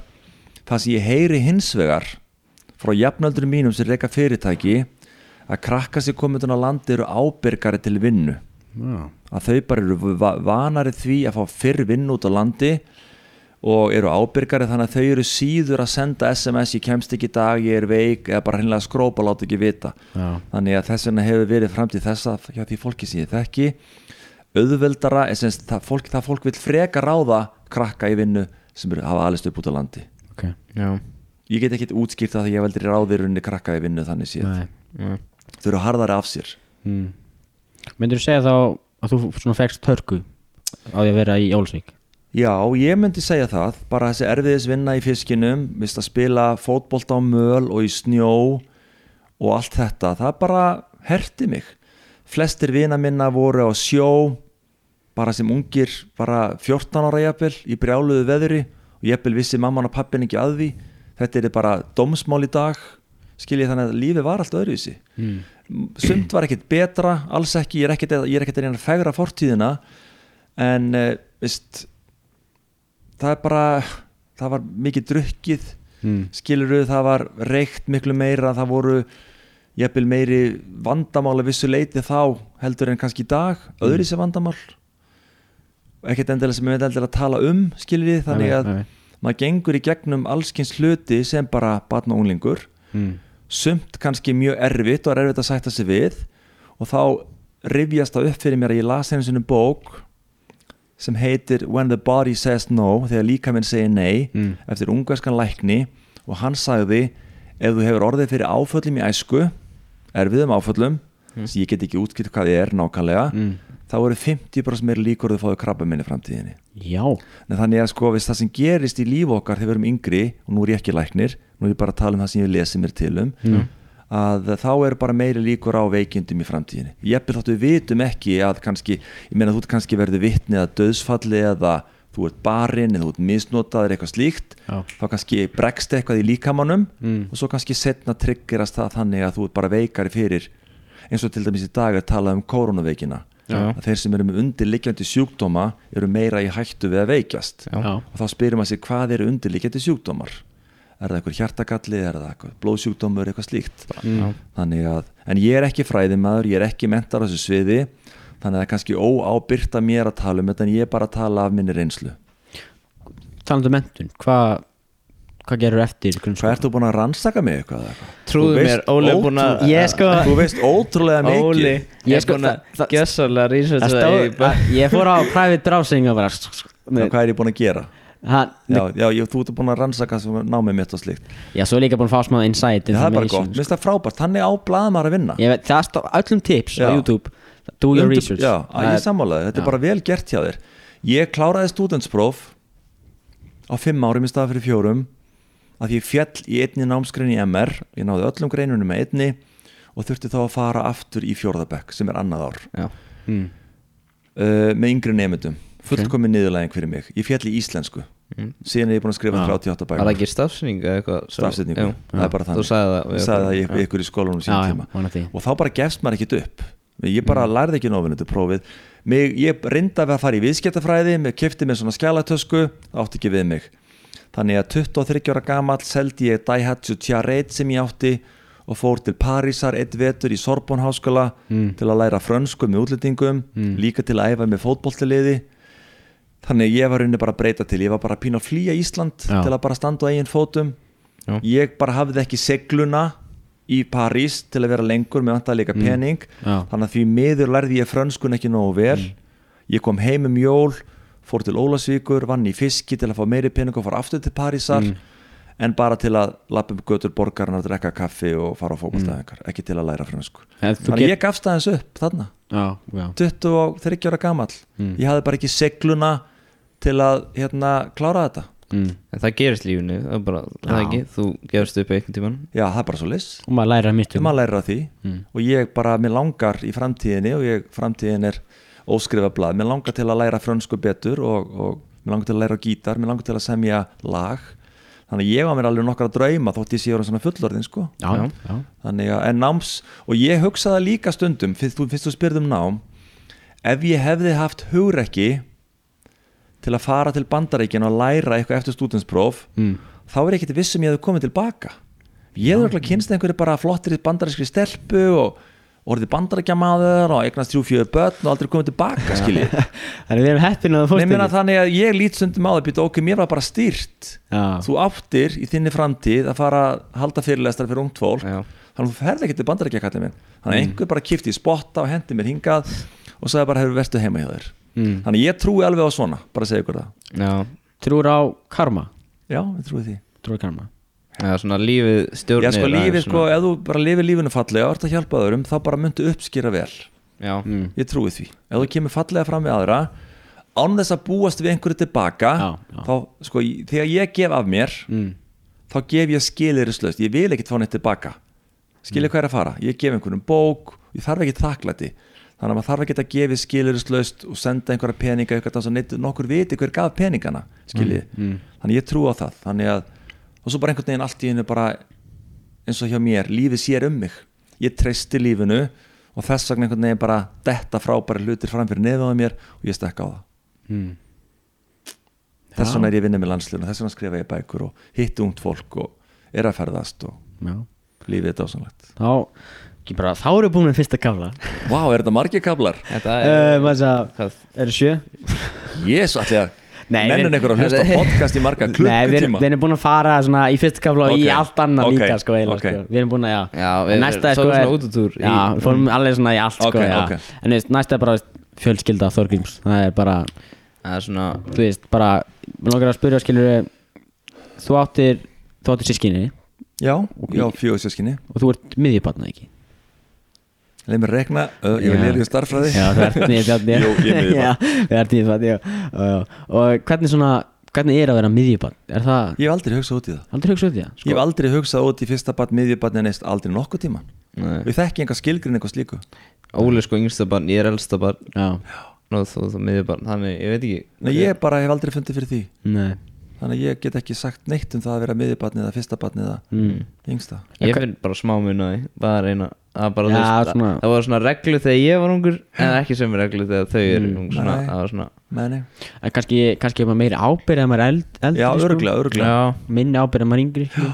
Pínu dekoró ef maður er yngstur sko Já. þú varst svona í miðinu en það var svona e, það er Ég bara, ég bara, eins og segi, ég get ekki, ég vildi geti sagt eitthvað, en ég get Já, það ekki já. já, það en hvernig var það að alast upp bara, bara sem bara fjölskyldan Ég bara, vist Pappi var múrari og sjómaður og mikið að heiman og mamma var kennari.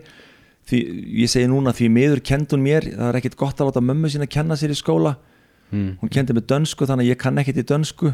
Vildir ekki þannig að mér fannst ekki gott að láta móðu mín að kenna mér í skóla. Já, maður var viðkvæmum aldri og maður gæti ekki að það mamma, ég skil þetta ekki. Já, og ég var líka veginn þannig pínu þrjóskur er það ennþá að ég var ekkert að byggja um hjálp heima hjá mér. Afi minn, sér að Þorgrimur Vítalinn prestur, hann var eitthvað svona mesti lærdómsmaður bara sem ég vissi um, ég baði hann aldrei um hjálp því ég var í MR mm. þannig að þetta er pínu þrjóska í mér að bara gera þetta sjálfur. Já. Já, vilja klára En- þetta já, en bara mínar æsku minningar eru bara veist, bara góðar. Mm. ég man ekki eftir neinum virkilega erfiðum augnablikum þar sem bara allt var í einhvern veginn í steik. Nei. Já, bara það er bara svo þetta er bara góða foreldra og góð sískinni og við núna á þessum fullorðsaldri að þá bara eru við sískinni að ná kannski svona öðru í sig saman, fyrir saman í ferðalög mm. vegna þess að það koma tímabíl í lífi allra sem er bara upptökin í vinnu koma yfir sér þakki eignast bíl, alveg börn þá er maður bara upptökin í því svo Já. allt í náma maður uppkomin börn sem bjarga sér sjálf þá bara svona eh, kviknar svona eitthvað leiðir ljós til að gera eitthvað aðeins öðruvísi já, þannig að þegar ég er kannski á Akureyri í tvær vikur að halda fyrirlestra þá er kannski kona mín bara í vinnunni og ekkert heima og börnin mín eru bara að bjarga sér sjálf. Mm. og það er bara frábært, þau eru hann fullorðin bjarga sér sjálf, Já, ekkert vesinn það er svona, fannst þér ekkert óþægild svona slepp takinu það er, svona, það er svona oft svona væmi eitthvað bandar í stæmi skilur eitthvað svona Nei, sko auðvitað það sem mann þykir vænstum í lífun er fjölskyldamanns, það er bara að segja sér sjálft. Mm. og auðvitað eru börnum manns missterk það er að segja svona karakterar eða með einhverja veikleik og þannig að maður fylgist með þeim Mm. en þegar maður treystir þeim og maður skinjar það að börnin manns eru bara ábyrg og heiðarleg og flottir karakterar reykja ekki, drekka ekki, ekkert vesin á þeim þá bara verður maður að treysta þeim. Já, og þegar fólk finnur traust að þá bara vill ekki bregðast trausti. Mm. ef ég væri alltaf á þeim að spyrja og njóstnum þau það væri ekkert, gott. Þannig að Nei. maður verður að treysta fólki. Og ef það gerir mistök og brautinni þá bara þarf að takast á við það þannig þetta segja að maður á svona að sleppa þeim en samt að hafa já, svona já, tak já, og en leifa mig finna þess að einhverja vænt, væntu þykju já. mm. fyrir mér er væntu þykja kannski bara að veist, skafa bílinn á mótnana eða Mm. vekja þau á mótnana eða vera búin að þvó fötin þeirra eða eitthvað slíkt Já. sko. Mm. eitthvað, eða gefa þeim pening eða borga fyrir þeim til útlanda Mm. skiljið, er, eða faðmaðu eitthvað slíkt þannig að þannig að það er bara væntum þykja bregst sem þetta er bara á svo margvíslegan hátt Mhm. Og það er engin tveir einstaklingar eins þannig að kona mín er miklu opnar heldur ég hvað þetta varðar. Já, það er kannski, ég veit ekki að því ég er bara kallmaður eða hef alist hann upp þannig að hún er miklu opnar hvað þetta varðar. Ég er bara fyrir aðra leiðir. Mm. ég hef alveg viljað standa með betur uppeldsmálum ég viðkjanna það, ég hef bara upptekin að skrifa bækur og halda fyrirlestra og, og vinna fyrir heilbyrðisráð þeirra þannig að ég hef alveg viljað geta geð meira með til barnana minna þegar þau voru alveg upp í grunnskóla. Já, hjálpa þeim betur í námi og lesa oftar fyrir þau og svo framvegis mm. því að lestur þetta skiptir svo ofbáslega miklu máli mm. það að lesa bækur, ná tökum á orðaforða fá fleiri, læra fleiri orð þá bara gengur manni betur í námi þá gengur manni betur í lífinu Mm. allar rannsóknir bara sína það Hva, Hvað veist þér mikilvægst í fjölskyldum? tröst og vinnóta Tröstu vinna? já, mér finnst það, ég hérna leið og börnin manns verða vi- svona vini manns Já, ég heyri oft foreldrar tala um það að ég hlakka til þegar börnin mín fara heiman. Mm. núna eru börnin mín 28 24 og vera tvítugt. Mér langar ekkert að þau fara heiman. Nei, þau eru bara svo skemmtileg. Skilur þú hvað er að fara? Nei, þannig að, að því eldri sem þau verða þeim mun betri vinir verða þau. Mm. og þá bara vill maður hafa þau hjá sér. Menn ég er mikið í burtu þannig að ég hitti þau kannski, ekki- hitti þau kannski ekki fyrir á kvöldin og þið vitið það bara sjálfur að ofta á kvöldin er mest í galsin Já. þá bara lifna allir við og þá er hleyið og, og fýblast og allt þetta, þá er ég kannski farin að sofa kona mín er meira að vaka heldur en ég þannig að þau eru bara fjögur að leika sér að fýblast inn í eldhúsi eða og ég er einn að sofna, gamlega maður já. Nei, þannig að þetta er svona, vist, fjölskyldan er bara mikilvægust Mm. Þetta er spurning en er einhver svona hver er svona mikilvægasta persóna eða mikilvægasta manneskja í þín lífi er það mamma eða er það einhver svona þekkir eða börn Sko ég held að svo manneskja sem hefur kannski þroskað mér mest er konan mín okay. hún er tíu ára mingri en ég og hún er bara miklu opnari og svona já, bara betri manneskja á, á margan hátt mm. og það að kynnast þannig manneskja það bara mýkir mann, það segir sér bara sjálft Mm. og hún er svona miklu hugrakkari og uppátekt, uppátektar samari uh, hins vegar þegar ég var alast upp sem krakki auðvitað náttúrulega auðvitað eru að hafa foreldrar alltaf mest áhrif á mann en maður kannski bara fattar ekkit akkurat þegar maður er alast upp. Þau eru til staðar og slíkt en því ég er lítil baka því ég var í sveit þá var móðurbróðu minn, Guðmundur Þorgrímsson hann var eldri en ég og hann var bara enn heima og hann svona kendi mér að vinna og slíkt. Síðan var annar maður í, í fristúsin í Ólasvík Gilvi Magnússon sem bara hjálpaði mér að sko, vinna í fiski og síðan því ég gerðist bladamaður og rítstjóri þá var Steinar Jóa Lúðvíksson reynslu mikill bladamaður sem kendi mér hluti og svo framvegis. Þannig að ég hef svona verið heppin með fólk í gegnum tíðina Mm. á ákveðnum svona stöðum í lífinu sem hafa svona bara virkilega ég geta leita til og hjálpa mér. Þannig að það eru nokkri svona hortsteinar sem er rauninni bara mjög mikilvægar personur í mínu lífi. Mm. og maður má ekki gleyma því. Nei, nei og maður þarf líka að þakka fyrir það og maður þarf einhvern veginn að þakka líka fyrir það með fólki í lifandi ekki Já, bara að skrifa já. menningagreinar á Einmitt. fallegan hátt um Já, þetta fólk. Hmm. Já, hvernig svona hvernig ætlar eða ert þú búin að sína þakklæti ertu, Já, bara með margvíslegum hætti ég, því eldri sem að verður og meiri, meiri tíma ég meina við kona mínu farin að ferðast miklu meira heldur en þegar börnin voru yngri mm. mér finnst það geggjað nú bara í dag heimsótt ég þennan Guðmund frændamennu á Akranessi, skiljið, á leiðinni frá úr sveitinni hm? Uh, ég heimsæki Sena Jóður Lúðvíksson reglulega, ég reyndar ekki búin að heimsækja núna í rúmt ár en þetta er góð áminning, ég þarf að heimsækja hann Já. þannig að maður þarf bara að gefa sér tíma eitt símtal þarf ekki að taka nema tvær mínútur Mm. og það að senda SMS eða tölvupost er eitt en það að ringja og líta við bara skiptir rosalega miklu máli Já. og það sem mér finnst pínu líka sorglegt í íslensku samfélagi er að fólk er eiginlega hægt að fara í heimsóknir. Já. núna er bara býður fólk kannski matabóð kannski 2-3 ári. Hér á, í gamla þetta þá droppaði fólk bara í heimsókn.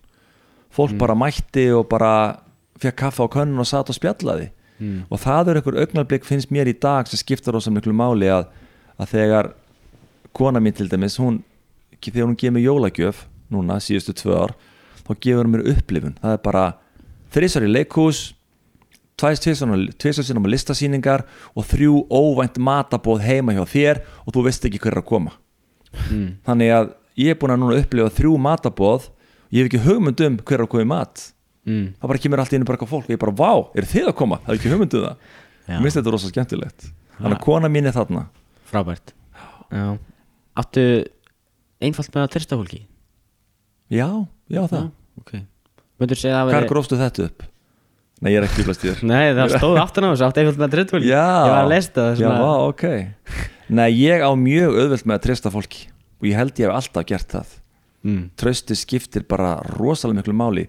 Og ég lærði það líka daldið að Lars Lagerbæk landslýsjálfara Já, að þegar hann svona slefti tömnum af leikmönnum og Heimir Hallgrímsson sagði bara strákar í kvöld með þið fara heim þeir með gista heima og kannski annað kvöld verið komin og þegar menn fá svona traust þá vilja þær ekki brjóta það. Ef það er sagt bara strákar komið bara klúma tíu og það verður refsing eða komið ekki þá er einhvern veginn bara meiri líkur þegar menn brjóti það. Já, þannig að traustu hvað þetta varðar skiptir rosalega miklu máli. Já. mm. og líka bara að treysta ungu fólki skiljið, skiptir bara rosalega miklu máli. Og verður ekki alltaf að gera allt fyrir unga fólki. Ég, mér hætti til þegar ég börnum ára yngri að gera of mikið fyrir þau skiljiði. Mm. ég veit ekki hvernig ég á að útskýra það. Ég var kannski of mikið að hjálpa þeim að klæða þessi úlpun að reyma skóna þess að láta þau gera það sjálf Já, já, maður, já.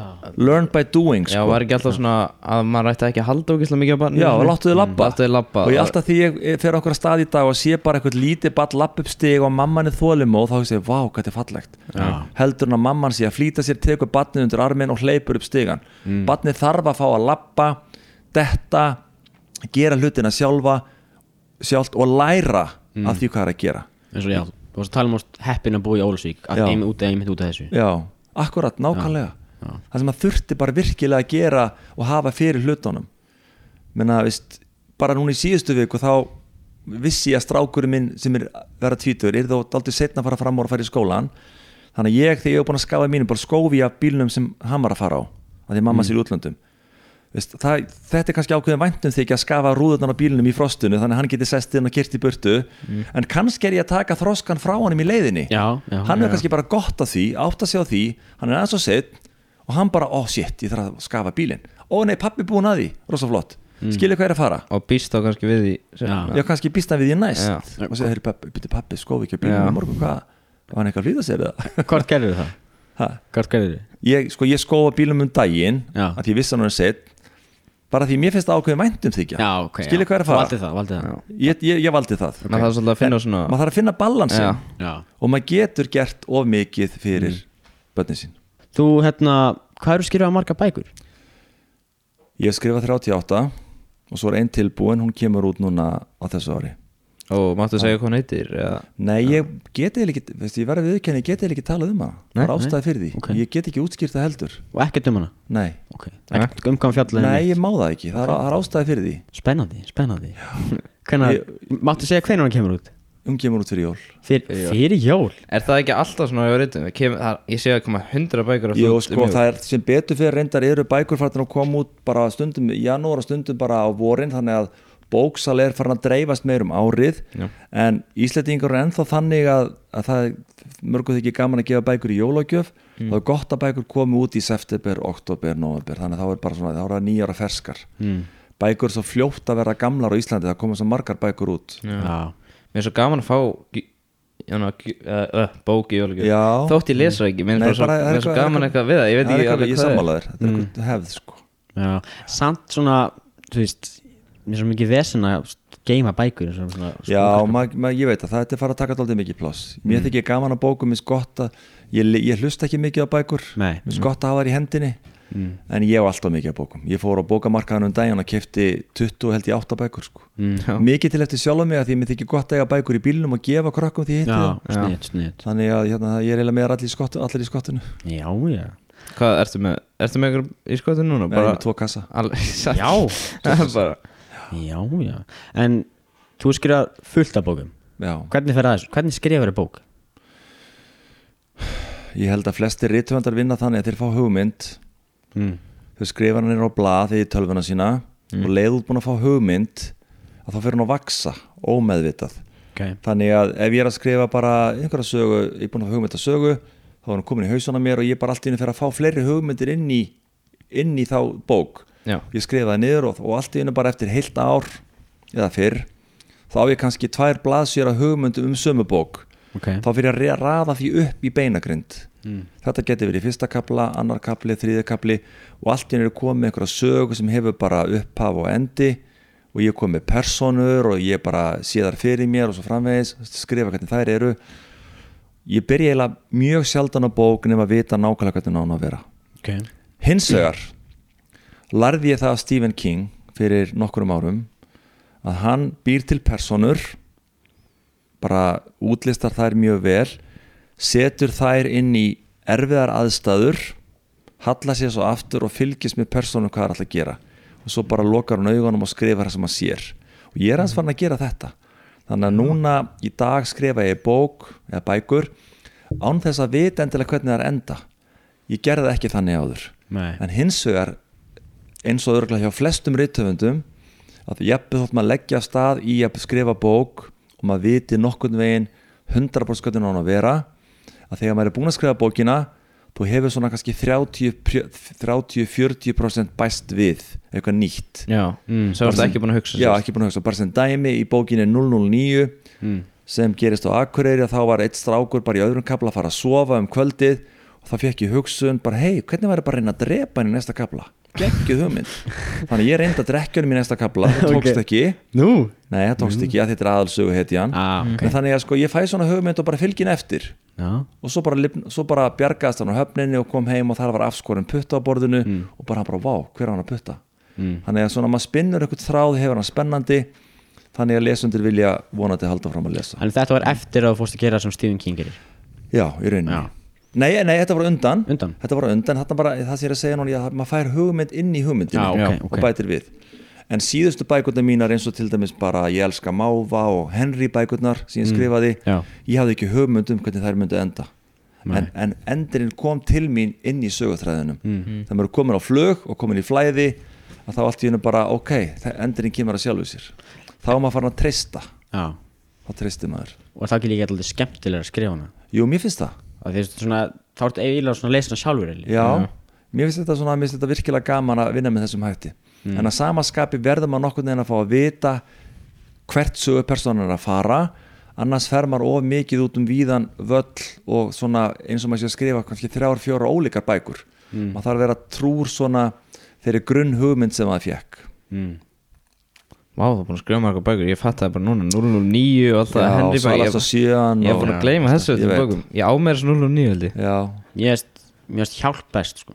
hjálpa sakur, ég er rosa ánægð með hana. Mér langar til að sjá hana sem bara bíómynd. Já, þú var ég var, er. Það er engin komið bíómynd á neinu bókum Nei, ég fekk einhvern tímann semst að kom, tala einhvern stráku við mig og ætlaði að gera bíómynd úr Tárbrós og takkaskór Já, og ég held að hann fengið smá styrt þess en ég hef ekkert heyrt í honum aftur en ég veit ekki hvað staðan er. Það væri svakalega mynd Það væri geggjum Já, hún var alltaf góð, þetta er svona einu uppáhaldsbóki minn og lifa lengi, hún er yeah, 30 ára gömul sko. ég er að lesa hana núna sko Er það? Í fyrsta sinn, já Vá. Í fyrst, Já, hvað byrja, þú veist að því að fá Já, já.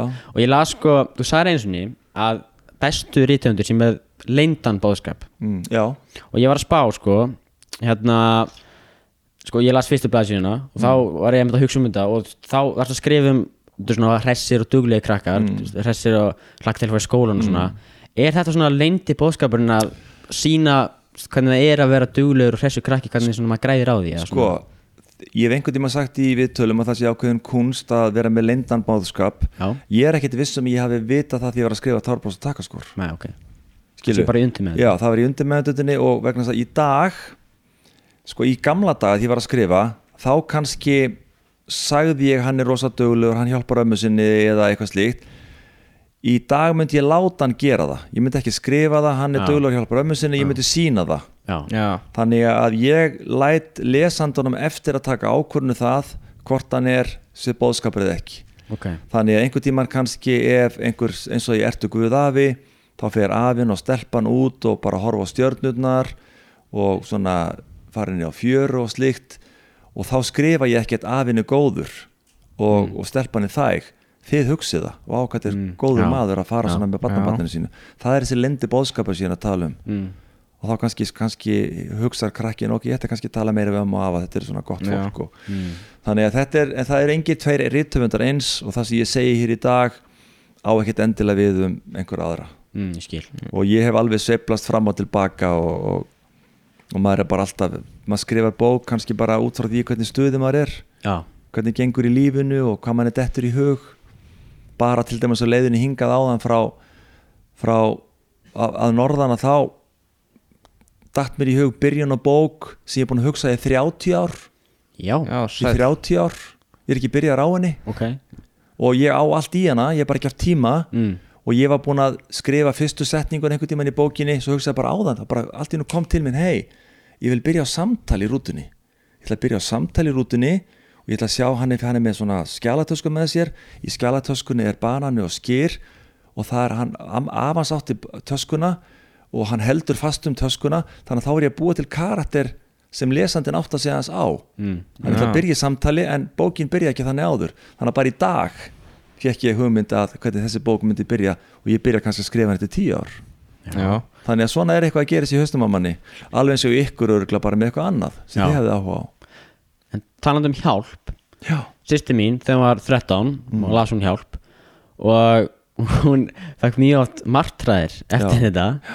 Ætlaður þér svona, þú varst að skrifa hana hafa svona sterk áhrif eða svona, mér langaði það já. Ástæð þess að mér langaði til að hafa sterka áhrif er svo að ég var aðeins að vara krakka við það að, að vera eina á ferli í útlöndum á unga aldri þegar við erum með fóröldur sínum. Ok, vegna þess að þegar ég skrifaði hjálp þá var forsíðu frétt og divaf á sama tíma mm að það munaði engu að tveimur börnum yrði rænt einhversar í útlöndum. Mm. þá voru mamman og pappin í sólbaði tvö sískinu löbbuð eftir langri bryggju alveg út að enda, þar voru menn á bát spýtbát sem ætlaði að ræna krökkunum og krakkarnir rétt sluppu. Já, þetta var á sama tíma að ég bókin fjallar um sko já, já. mannrán. Mm. þannig að, að tilgangur minn með þessari bók var jú að hafa virkilega mikla spennu bók dálítið skeri og ógæslega veist þannig séð eins og Mm. mannst ekki að ég vilji segja það. Það ekki að spoila. Já, og, en að sama skapi bara ok, ég þarf að fara varlega í útlöndum. Já, já, það var kannski, það var kannski lindi, bóðska, lindi bóðskapinu var farðu varlega í útlöndum. Mm. ég segi það samt aldrei. Nei, nei, þannig að nei þarna áttar það á því hvað er lindi bóðskapur Já, er mjög góð En na, ef við fyrir aftur í Törbros tökaskóru og það Nú er ég búin að glemja hvað það að segja Nei, það er bara já, nefnir skaman að þú skulle tala um hana vegna þess að það eru 31 ár síðan ég skrifaði bókina Já, nú mann ég þetta Þannig að það var, ég man, byrju, var þetta í fyrsta sem þú varst að lesa núna? Já. Last hann ekki þegar hún lesa hann í skólanum? Ég held ég að vera úti þá Já, það var að gefa okkur sko verkefni að lesa bók Já. og gera verkefni úr því Og ég man að mjög margir fóru að gráti þessar bók og, Já, ég veit það Og já, þú ætla, eða, eða það ekki svona, þú svona Jú, menn það deyr manneski í bókinu sko. Já, já. það er bara Æ, æ, já, sorry. Ég, bara, já, ég skemmti orð fyrir Óla. Það er bara, mér langaði að hafa það þannig. Ok, ok. Já, það er svona landsinu að skrifa hana, 30 ár. 30 ára það er þegar, hún kom út 1980 Já, Það er það sem pappir að minna Nei, fyrir ekki, hún kom út 1990 Já, það er það sem pappir að minna, hann las hann þegar hann var ungur og elska Já, hann ógæslega já. mikið. Mm. og vitið þið ég, má ég segja það hérna, vitið þið af hverju þið kannski klippið það bara út eða það er óvið eigandi að, að ég á bekkjasystur í ég á bekkjasystur í vallaskóla sem er Olga. Já, og alltaf því ég kemur í vallaskóla helsa upp á hann og hún er unni stjórna mínum heimsóknum til ykkar. Mhm. að ein af ástæðan þess að Tárbóðstakkaskór er eins og hún var er svo að Olga misti móðu sína þegar við vorum krakkar. Mm. og það var óbúðlega sorglegt. Það var rosalega sorglegt þegar mamma hennar dó í bílisleysi og ég man enn eftir því og ég, það er henni bara satt í tárbrústakkaskór þegar kennarinn kemur inn og tilkynni bekknum að mamma Olga hefur verið að degi í bílisleysi Mm. og það er bara, það er henni bara fyrirmyndin af því sem er að gera sér tárbrústakkaskór nefna það að stelpan deyr okay. Skilji, þannig að sko margt sem gerist í mínum bókum á sér stóð í raunveruleikunum eins og til dæmis bara margt býr í myrkrinu, hótelbúðir axlabjörn, mm. uh, spór í myrkri sem gerist á krossum á Snæfellsnesi, á sér bara húsið er til, þannig að mjög margar af mínum bókum eru svona byggðar á sannsölum atbörðum sem ég bara breyti svo aðeins bara nöfnunum Já. og Já, hvernig bara- að því já, gerast já, algjörlega Mm. þannig ég sæki mjög margt í mína eskuð í bókunum mínum Mm. þannig að þetta er bara og bókin sem sagði ykkur frá áðan bara þeir tala saman í rútunni mér langar til að skrifa um sjávarþorp í kringum 1975 bara lýsa lífunu þar. Já, Mm. og þessi fullanarsbók sem ég er að tala um við ykkur það sem hann er í rútun á leiðinni tilbaka hún fjallat aldrei líka um svona sorglega atbyrði og kennarinn kemur í bæ, gamla bæinn sinn til að byggast afsökunar já, einhverjum 40 árum setna þannig að það er svona margt sem situr í manni talandu að það eitthvað hefur áhrif á manni í æsku mm. að svona, svo kannski brýsta út í bók bara 50 árum setna finnst þér svona þægilegt að skrifa bækur svona um þú veist það sem er gerst og það er svona léttir aðeins svona á Já, sko, það léttir ekki endilega á mér en ég hef stundur ráðlagt að ég hef oft talað við ungt fólk sem vil skrifa bækur Já, og ég er að kenna skapætti skrif í skólamannaslægið Mm. og þá hvet ég oft unga fólki til að skrifa um eitthvað sem það þekkir vel. Ef maður fyrsta bókin fjallar um eitthvað sem maður þekkir vel þá er maður á heimavelli og maður þekkir það. Mm. og þess vegna fjalluðu mín, mín, mín fyrsta bók var með fyrir ekki tánum ég sá fyrir mig bara staðina sem ég var í sveit. Næsta bók heitir Tárbós og Takaskór sem fjallar um fótbolta og ég þekki það og döðsfall skiljiði. Já. þannig að reglulega er ég að grafa í minni æsku og skrifa um eitthvað sem ég finnst gott að fjalla um. En ég er ekkert endilega að létta einhverju pressu á mér við það.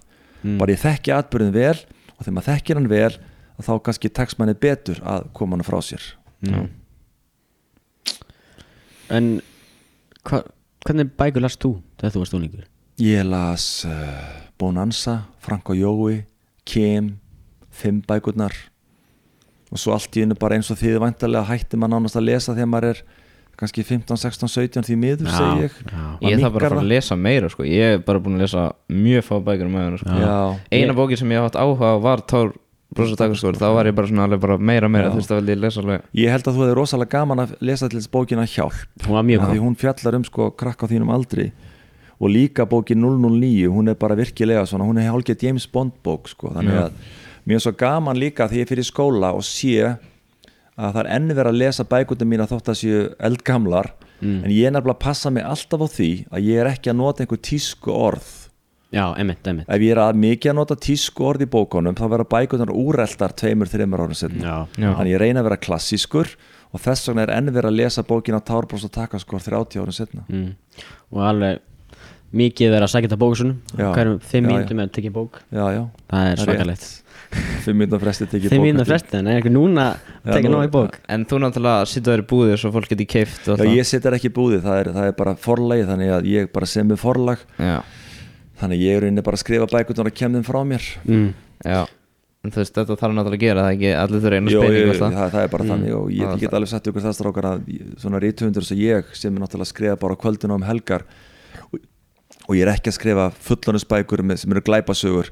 Ég er ekkert að græða mikið á að skrifa bækur þetta er bara áhugamál. Já, Já, það, eru bara, já, ég, hvað með góður ég fæ bara, menn ef bók eftir mig selst í dag segjum bara ný bók sem kemur út á næstu jól þá fæ ég svona 500 kall fyrir bókina.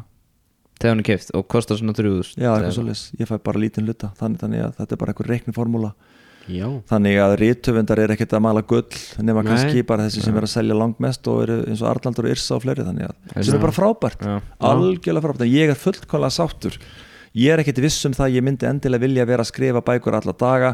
Þá var ég missa af því að hitta 5.000 nefndur ári. Já, Já. og þá var ég missa af því að fara með landsliðinu til Rúslands eða hvert sem er. Mm. þannig að mér finnst ég, ég sakna einskis. Talandi um bækur eftir þig þá en að, mér langar mjög mikið að lesa eina bók.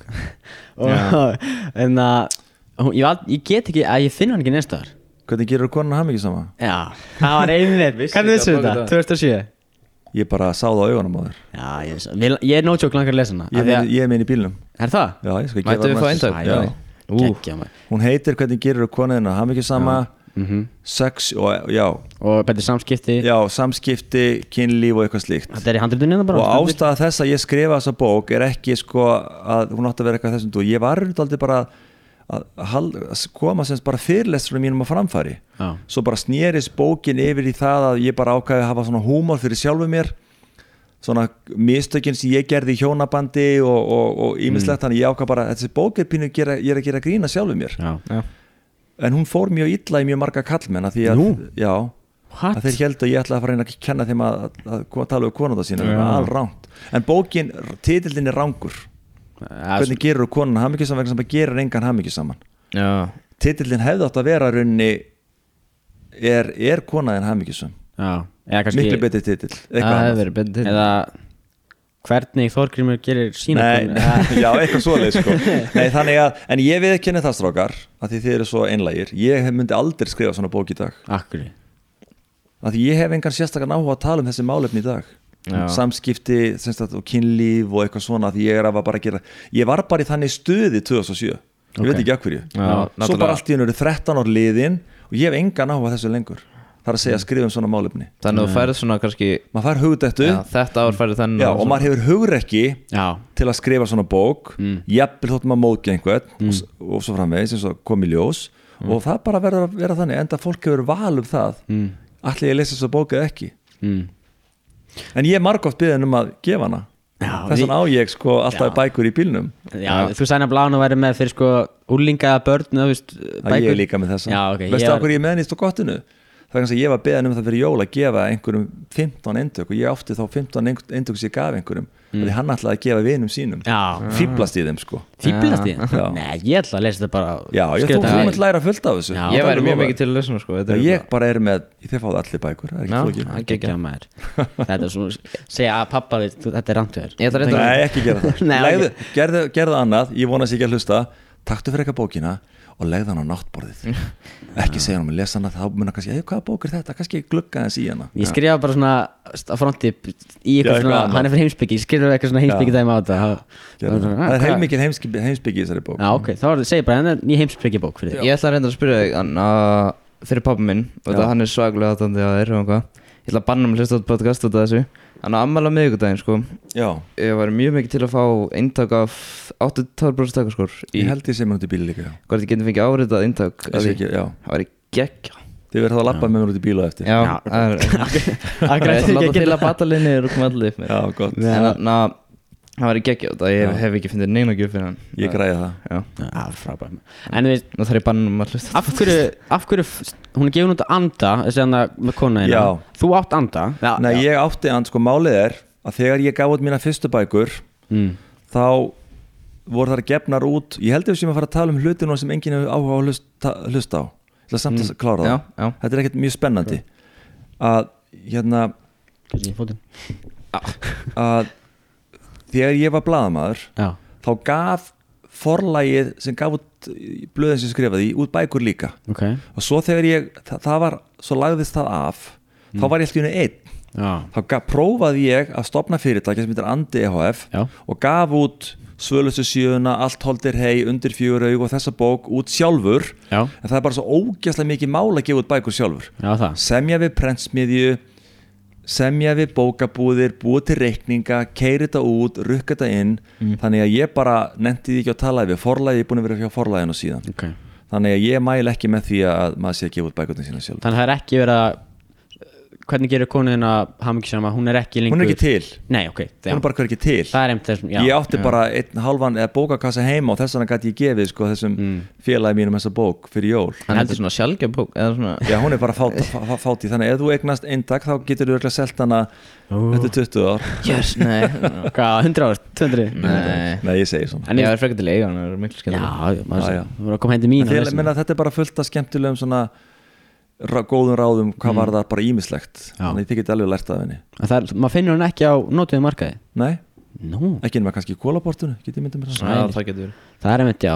Yeah. ég, Ég gaf hún út sjálfur, hún kláraðist nema eitt kassi sem ég á Já, já, ok.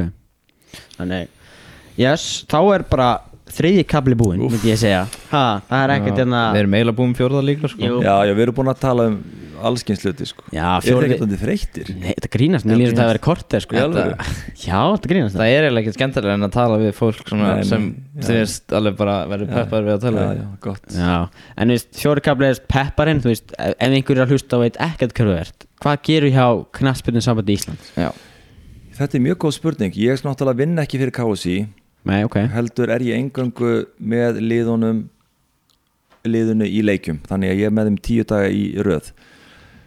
Fyrst var ég í landslýsnefnd ok. sem þýtti það að ég bara fór sem fulltrúi KSI og var að passa upp á allskins hluti.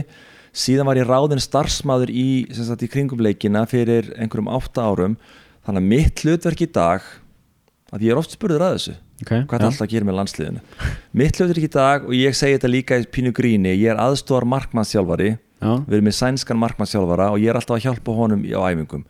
Ég er aðstóðar búningastjóri með Sigadúlu þannig að ég er að raða fötunum upp fyrir strákanin í búningaherbyggi með Sigadúlu síðan eru við þegar ég reytar bolti og skotafingar þá eru við Sigadúlu að hjálpa til bara halda boltanum á svæðun og fleiri bara þannig að það sé ekki einhver byð eftir boltum og svo þegar við erum að ferðast þá er ég að halda á töskum og þegar Lars og Heimir voru landslýðstjálfar þá held ég fyrirlestur fyrir landsliðanaslæðið Já, þannig að mitt hlutverk er bara að gera það sem ég er byggðin um að gera. Og við erum einhvern veginn allir þannig, við erum allir að hjálpa stað stundum vill einhver leikmaður tala við mig undir fjögur augu eða og svo slíkt þá bara ger ég það.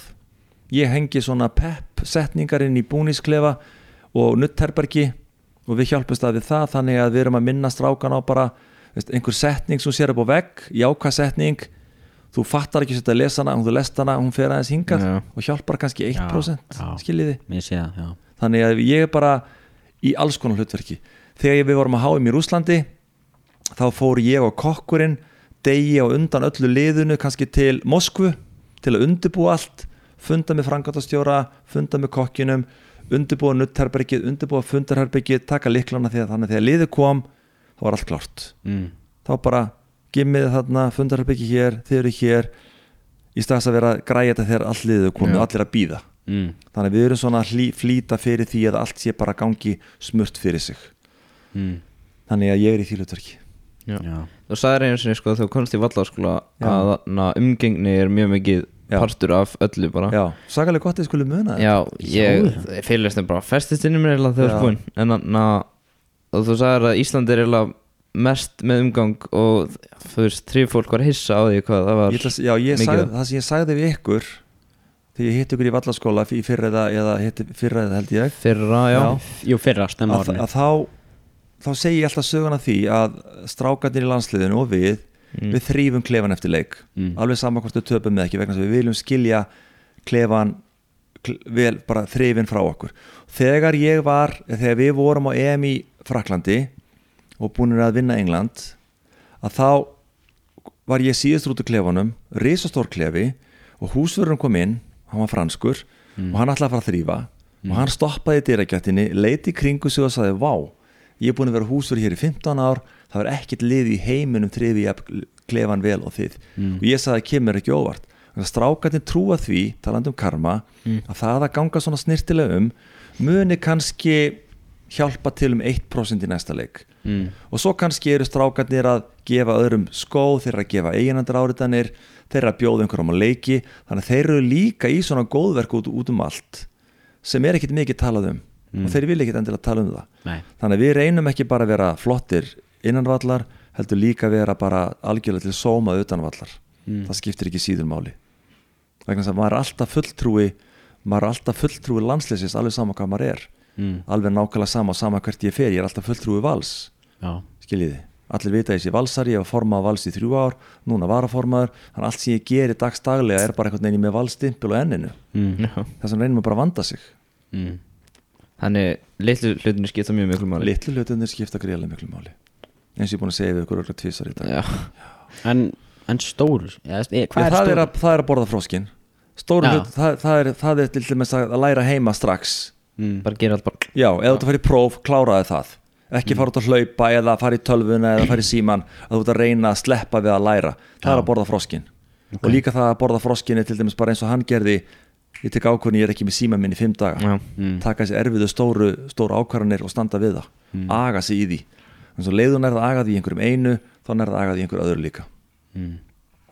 mm. En uh, eins og aftur ef einhver er að hlusta sem veit ekkert hvað uh, kannski er eldri og er ekki í grunnskólum og veit ekkert að fyrirlesturinn verður ástfangin á lífinu hvað svona, hva, af hverju, hvað er það? Sko, ég man ekki að hverju datt nýr og titilin við erum ástofangin á lífinu og ég get líka sagt að í þessu samhengi að svo tala um fyrirlestra að ég líka halda fyrirlestra fyrir stundu kennar og fyrirtæki Okay. og sá fyrirlestur heitir sterk liðseild, hvað getur við lært á landsliðinu en hann er sambland af að vera liðseild og að vera ástofangin á lífinu.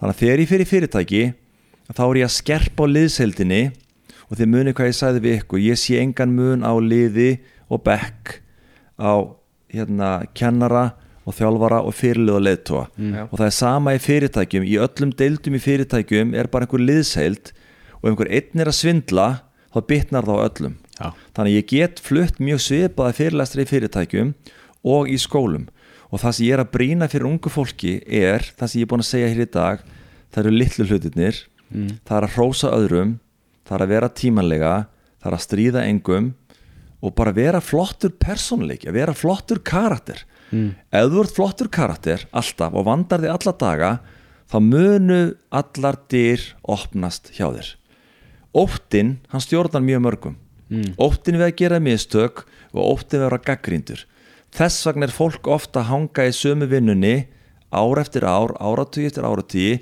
jafnir þótt vinnan sé leiðileg og ömuleg af því að óttin við að stíga skrefið og hætta og gera eitthvað nýtt hann heldur okkur bara svona á sama stað. Já. og ég þekki þessa tilfinningu bara sjálfur. Og fyrirlesturinn minn er í 80 myndur og hann er líka uppfullur af myndböndum. Og þegar ég kem í vallaskóla næst og hitt ykkur væntalega núna bara fljótlega að þá er svona 40% nýtt sem þið aldrei sé áður. Ná, Yes þannig það er bara svona veist, þannig ég er einn alltaf að uppfæra mig.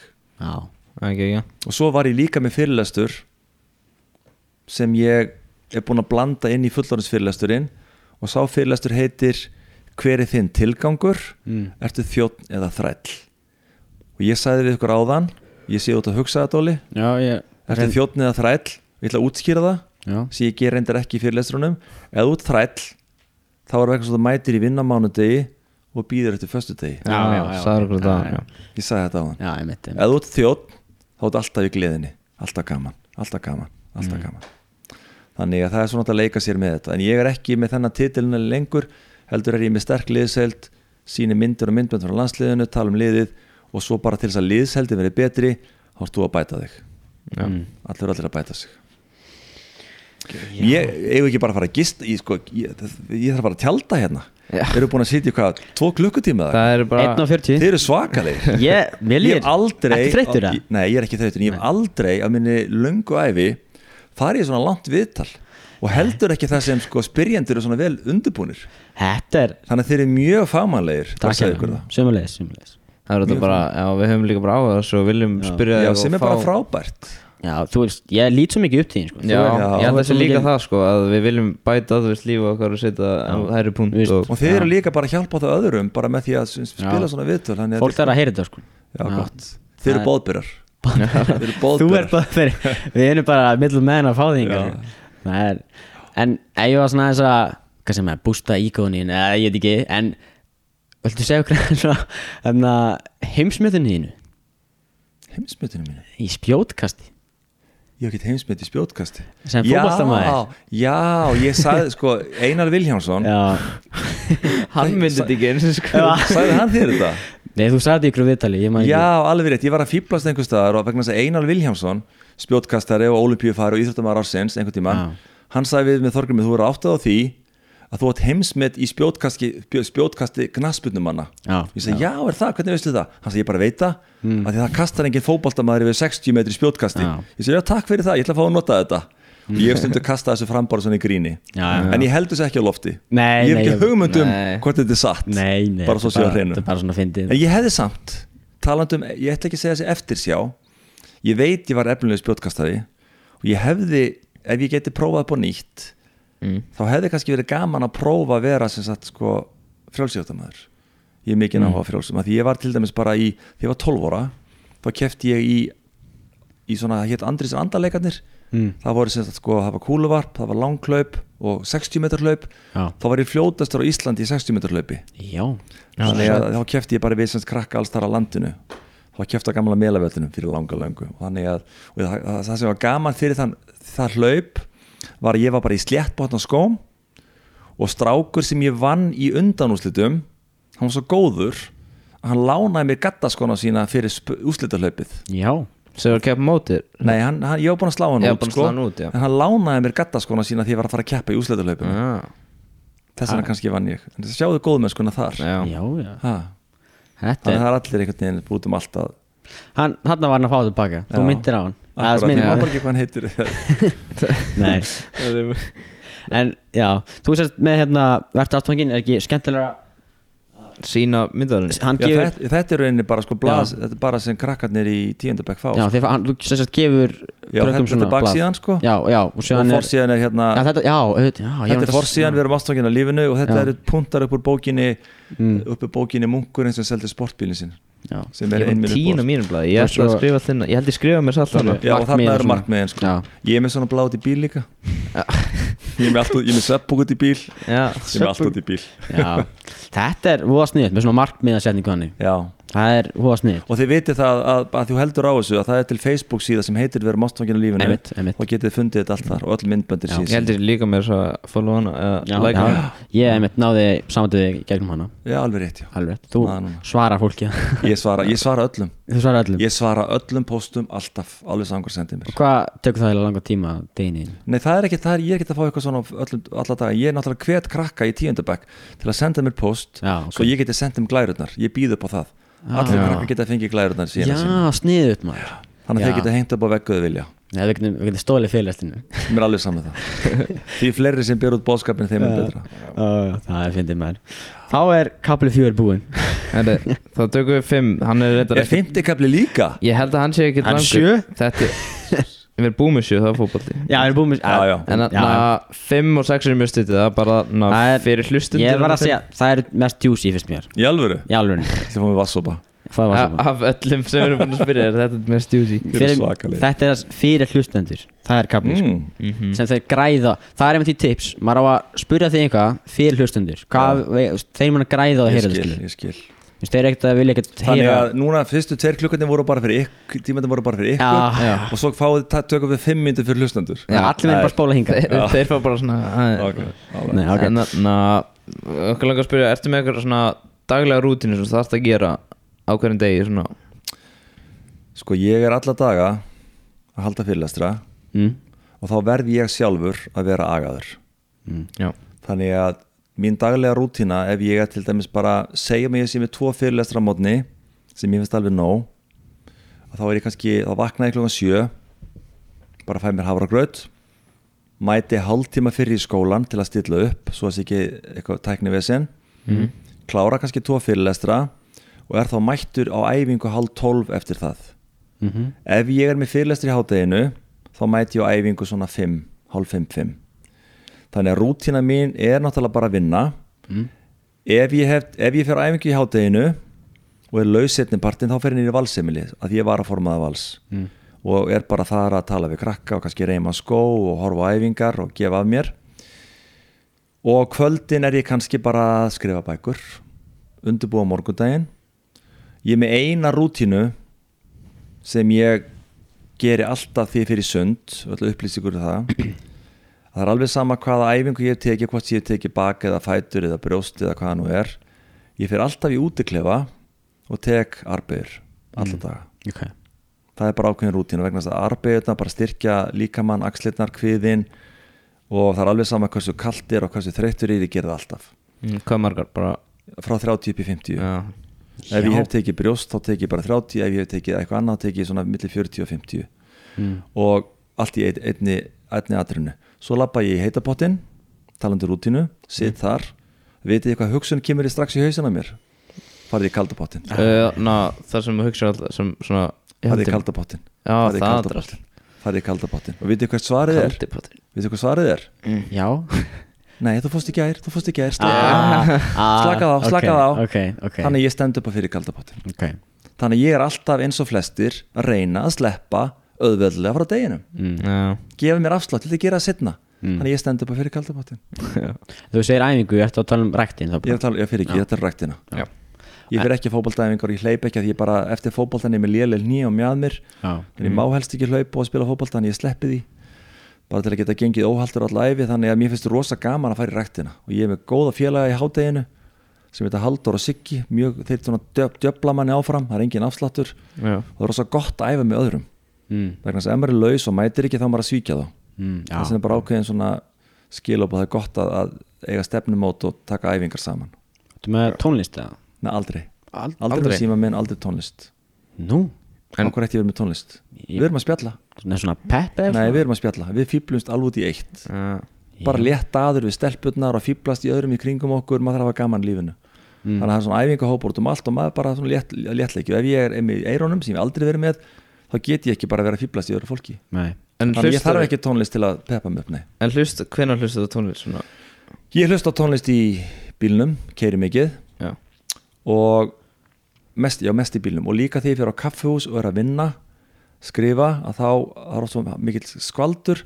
Þá setjum ég svona bara bara væga tónlist það er svona hugleyslu tónlist í eirun mm. en ef ég vil losa um einhverja tilfinningar Já, mm. þá hlusta ég mínu uppbóðars tónlist. sem eins og bara George Michael já, Eagles Robbie Williams þetta þrend og bara á leiðinni þú mannst þetta George Michael. Ég ekki ég, ég er skora á þig. Óli er mjög lítið tónlist. Ég ætla að skora á þig núna, kallið minn. Já, þegar þetta er búið og þú Já. keirir á Selfoss hlustaðu á lagið Jesus to a Child. Jesus to a child með, Já. með hérna George Michael. Og svo skaltu hlusta Lion Eyes með Eagles. Þetta eru tvö uppbóðslögin minn Ok, ok. Ég get, ég gæti ekki funksjona ekki en daginn ef ég væri ekki með tónlist svona í tóklutnum í eirunum nei, þú ert bara búin að venja það líka, það er alltaf lagi. já, ég bara, það er bara svona tip-hop, M&M og allir. Ég Já, bara, ok. það er ekki En sjens við get erum bara öll mismunandi. Já. það er bara hver með sitt. Mm. Að detta inn í tónlist líka. Og mér fannst lemmi svo gaman og það er einn glæra hjá fyrirlæsturinn mínum í dag hún er þannig eftir Björk Guðmundsdóttur að því hún sagði þetta í viðtal við Moggan fyrir mörgum mörgum árum Mm. tónlist er allsbyrra tilfinningar ef þú hugsið út í þetta að þegar mann líður illa og maður spilar uppbórst tónlistina sína sem tengist einhverjum bara skeiði í lífi manns Mm. þá kannski það maður bara fara að gráta mm. og þegar maður blastar uppbórst tónlistinu sinni og maður líður illa þá losar það tilfinningar Já, það var nætt sagt sko í kveikmyndagerð þá skilur þá er tónlistin það er emotion skilur já, akkurat, Það ekki þetta sjáu þið hana Hildi Mm. með öll þessi verðlun Já, já, það var bara í Joker tónlistin það, það, það var mjög, mjög gu- vel gert. Algjörlega frábært og það er einmitt svona fólk eins og Hildur og fleiri sem bara hvetja svona ungt fólk eins og ykkur til dáða. Já, Mm. menn þið verður örugglega kominir í kvikmyndabransan áður en langt og líður. Munið þið bara þá þú veist, hjálp og torf og stakkarskor gera já við ekki negl, gleyma því. það verður fyrsta myndin sem við neglum í gang. Já, já. já ringir í okkur eða þarf tekur upp þetta á Ekki setti spurning. Ha. þið bara fáið kvikmyndaréttin yes, nei. bara strax bara, En talandi um rútínu Sumir segja að rútínu sé ekki góð að þú veist, Mm. þú ert bara í þínu rútínu Mm. eða svona svona þægindirama Hmm. ég er ekki honum ég er svo heppin að vera sett formað af alls, vera með landsliðinu skrifa bækur þannig að mér finnst gott að ég er náttúrulega sérstaklega þegar maður er í vinnunni ég er í vinnunni að halda fyrirlestra og þó ekki í vinnunni Veist, ef ég væri að mæta fimm myndur fyrir fyrirlestur og stilla upp græjunum þá er ég láta krakkan að býða í tíu myndur mm. þannig að rútína er þú veist það bara sjálfur sem ungur maður að þú þarft að hafa rútínu Mm. ef þú hefur ekki rútínu þá verður agalaus já, Mm. sko rútínan sko, kemur með ákveðnum aga af stað en síðan náttúrulega þarf maður að hafa hugrekki til að stökkva á eitthvað óvænt eitthvað tækifæri Mm. hei, ef þú koma vestur bara morgun Mm. og þá bara, "En nei ég er nú vanur bara að fara á æfingu á þriðutum, hei, kontu samt ekki það þetta sem ég er að tala um. Já, þú stekkur okkur óvænt tækifæri ef þú verður hugrekki til þess. Jafnvel þú setur vanur að fara á æfingu á þriðutum mm.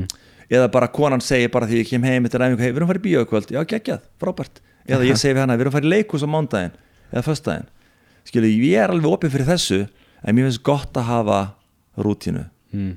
og mér finnst líka gott þegar maður verður svona eldri að hafa sína eigin rútínu. Og maður vill ekkert að neitt sé að svona að taka hana af manni Já, mér finnst gott að setja svo kvöldin framann tölvuna mína og vera bara að spá aðeins í kannski næstu verk. Skilur, hvað er að fara að gera næst? Heldur hún að sitja og horfa á okkur sjómastátt sem bara það sem vera nöðg og drepa. Ég hef engan áhuga á því, Já. ekki nokkur, nokkur áhuga á því. Nokkur áhuga. Þannig er náttúrulega ekki neitt sjónvarpjöp fyrir þig? Ég, ég bara því miður, ég segi því miður mér langar til að horfa á sjónvarp oftar, mér gaman að sjá góða bíómyndir. Ég sá til dæmis einmitt hérna hvað mynd það að segja á það? Joker The Joker, ég, ok, að því að ég hafði aldrei fíla leikaran ég, nei, ég, ekki, ég, ég sá hann hérna þegar hann leika einhver tónlistamann nema hann ekki svo hvað hann heitir. Það er mann ekki. Ég vissi það nöpp bara eru koma að fara. Þannig ég fór á Joker og mér fannst hann geggjuð hann stóð sér frábærlega. Hann var líka Óskarinn það er algjörlega, hann átti algjörlega skilið þannig að, að ég horfði reyndar á seríuna Bodyguard mér fannst hann frábær. Mm. Hóru ekkert á íslenskt? Nei, Ekkert ég íslenskt hef ekki hort á brotið eða neitt að þessu dóti. Mm. það er kannski bara vegna þess að ég bara verið að gera eitthvað annað. En mér langar til að horfa á það og ég gera örglengt um að setna Mm. mér finnst geggja bara hvað mikill metnaður hérna í Íslandi í þessum, þessum þáttagerðum, það er frábært. Mm. alltaf að fá fleiri og fleiri einstaklingar sem eru að bara láta hæfileika sín í ljós. En finnst þér vera nóg mikil tækifæri í kveipmyndabransan á Íslandi? Við erum svo lítill markaður þannig að og heimurinn er svo stór mm. ég man einmitt að einhvern tíma því að ég var í Los Angeles með landsliðunum daginn þá hitti ég mann sem konans leik eiginkonu Dexter í sjónvastáttunum og ekki það ég hafi hort á Dexter ég bara veit hún er þekkt leikon, ég var að tala við hann um svona möguleika í, bara í, í, í að selja kvikmyndahandrið þá sagði Þorgrumum bara að það eru sko þúsundir á þínum stað að reyna að selja kvikmyndahandrið skiljiði, þannig að það er bara svo óbáslega mikið frambóða, svo margir á sama stað þannig að ég er alveg sáttur að sem ég ger í dag, þótt ég væri til í það að ég á gott kvikmyndahandrið sem heitir fingra fyrir fortíðinu, við ætla ekki að tala um það endilega núna Nei. Nei. en ég veit ef einhver myndi taka það og fóstra það að það er geggju bíómynd Mm. og ef það verður ekki þannig á næstu árum þá mun ég bara búa til bók upp úr bíómyndinni Já, þannig að kemur bókin fyrst út Alltaf en plan B það er plan B, þannig að hérna, veist, ég er alveg með næg verkefni þannig að ég er í 110 ára sko. þannig að ég, þannig ég er ekki að kvart, kvarta undan hérna, því að sitja auðum höndum. Þannig að þú vilt búið til bíómynd er Já, mér langar til að skrifa, skrifa fleiri kvikmyndandir Ég er líka búið til sjónvastætti Já, sem heita Man to Man. Enskan þá? Að, Já, bara fyrir ellendamarkað Já, ok. Og uh, ég er búin að láta þýða fyrstu þættina en ég hef ekki gert neitt í því að reyna að koma um framfæri. Já, já. Mm. þannig að ég á fullt af efni sem bara ég er bara heima í skúfu og ég með vantar bara einhvern góðan aðala sem tekur efnið og kemur því á réttan stað en ég er alveg sáttur við það sko. Já, já. Og eina sem þau þurfa að gera er að heyri þér bara og, Já, já. Og bæða íslensku og ennsku Já. drífum okkur í kvikmyndir sko. Drífið til að þið bara Já, ég ætla hér og nú bara fáið þetta Já, mitt plan er sko að fara í kundskólan eftir stúdent sko. já já það bara þetta verður ennþá til. Þetta er í efstu skúfunni hægra megin. En, en uh, lifur við með eitthvað svona líkil reglu ég man einhvern tímann í gamla daga þá festist setningin í hausnum, á- á mér. Hver er sinnar gæfu smiður mm.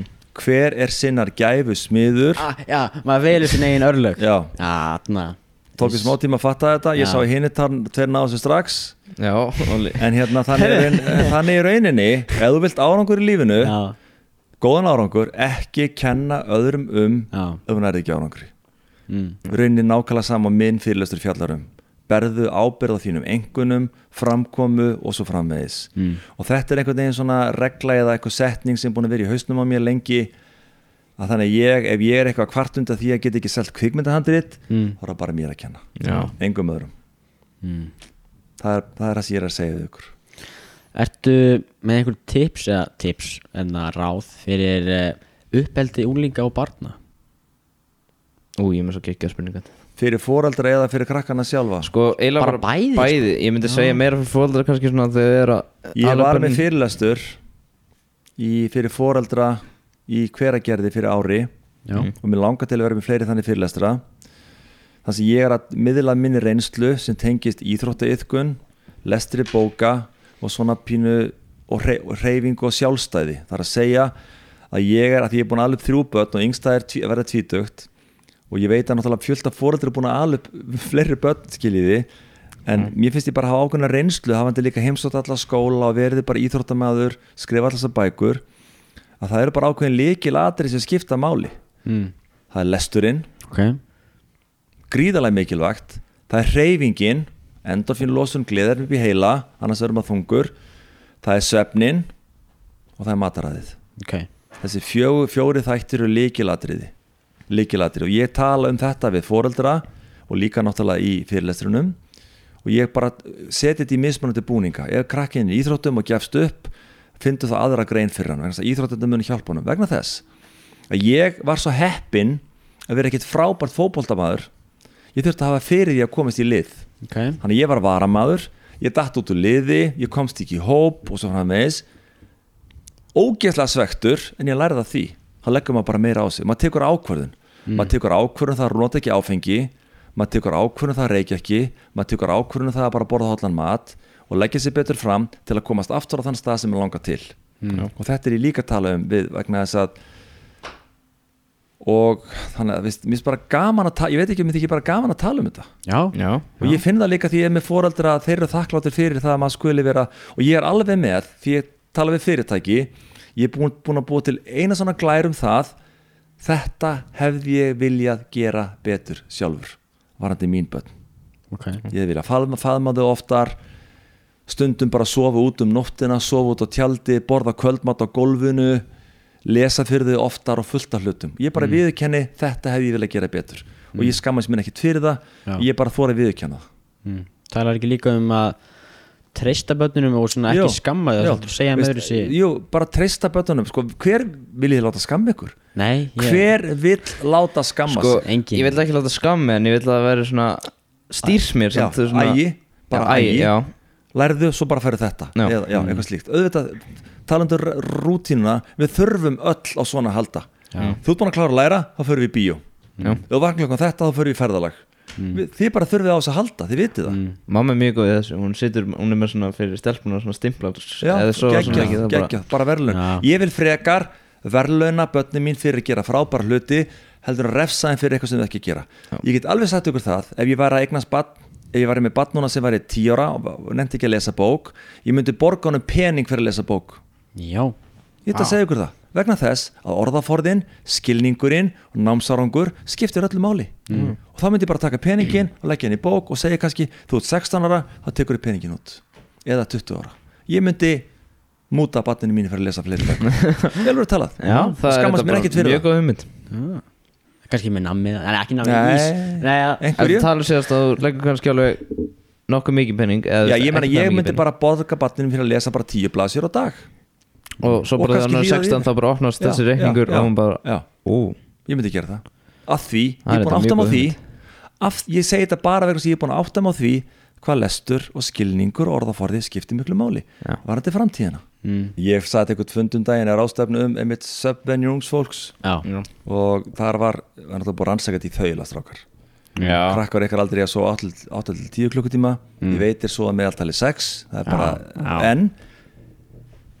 Ég spurði daginn eftir hennar fund þar sem ég satt, þá spurði ég nefnendur í einhverjum skóla ég sagði við krakkana að ég hef með tíundabekk alveg 20, 40 krakka ég Já. spurði krakkar, ég er búin að alveg þrjú börn öll mín börn lögðu sig pingu lítið yfir daginn. Hversu mörg ykkar hérna inni segið mér í einlægni, legg ykkur yfir daginn?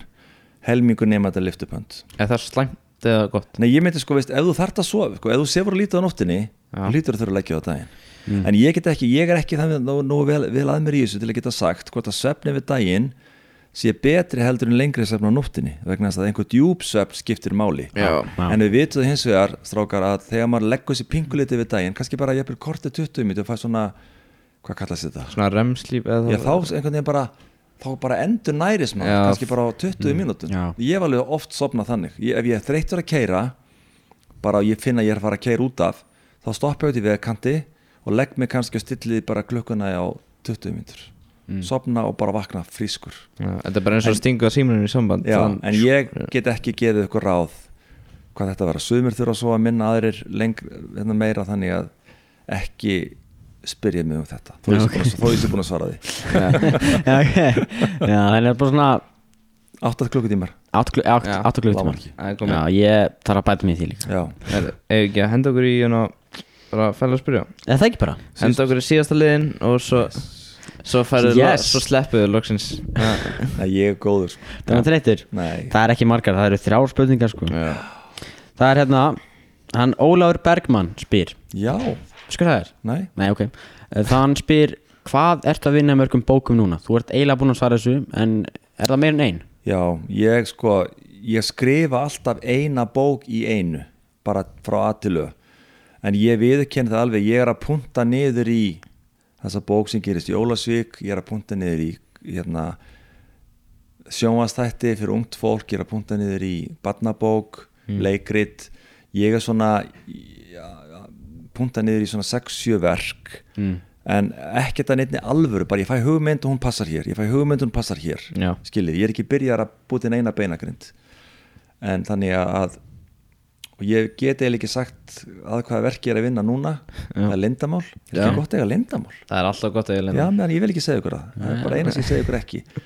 En ég þarf að fara til bandaríkjana til að afla upplýsinga. Ég fyrir til bandaríkjana einu svona ári til að fá taka viðtáli mann sem er merkilegasti maður í heimi. Ég get bara ekki sagt ykkur það en það verður til viðtalsbók við hann eftir nokkur ár. Já. Ó, það verður skemmtilega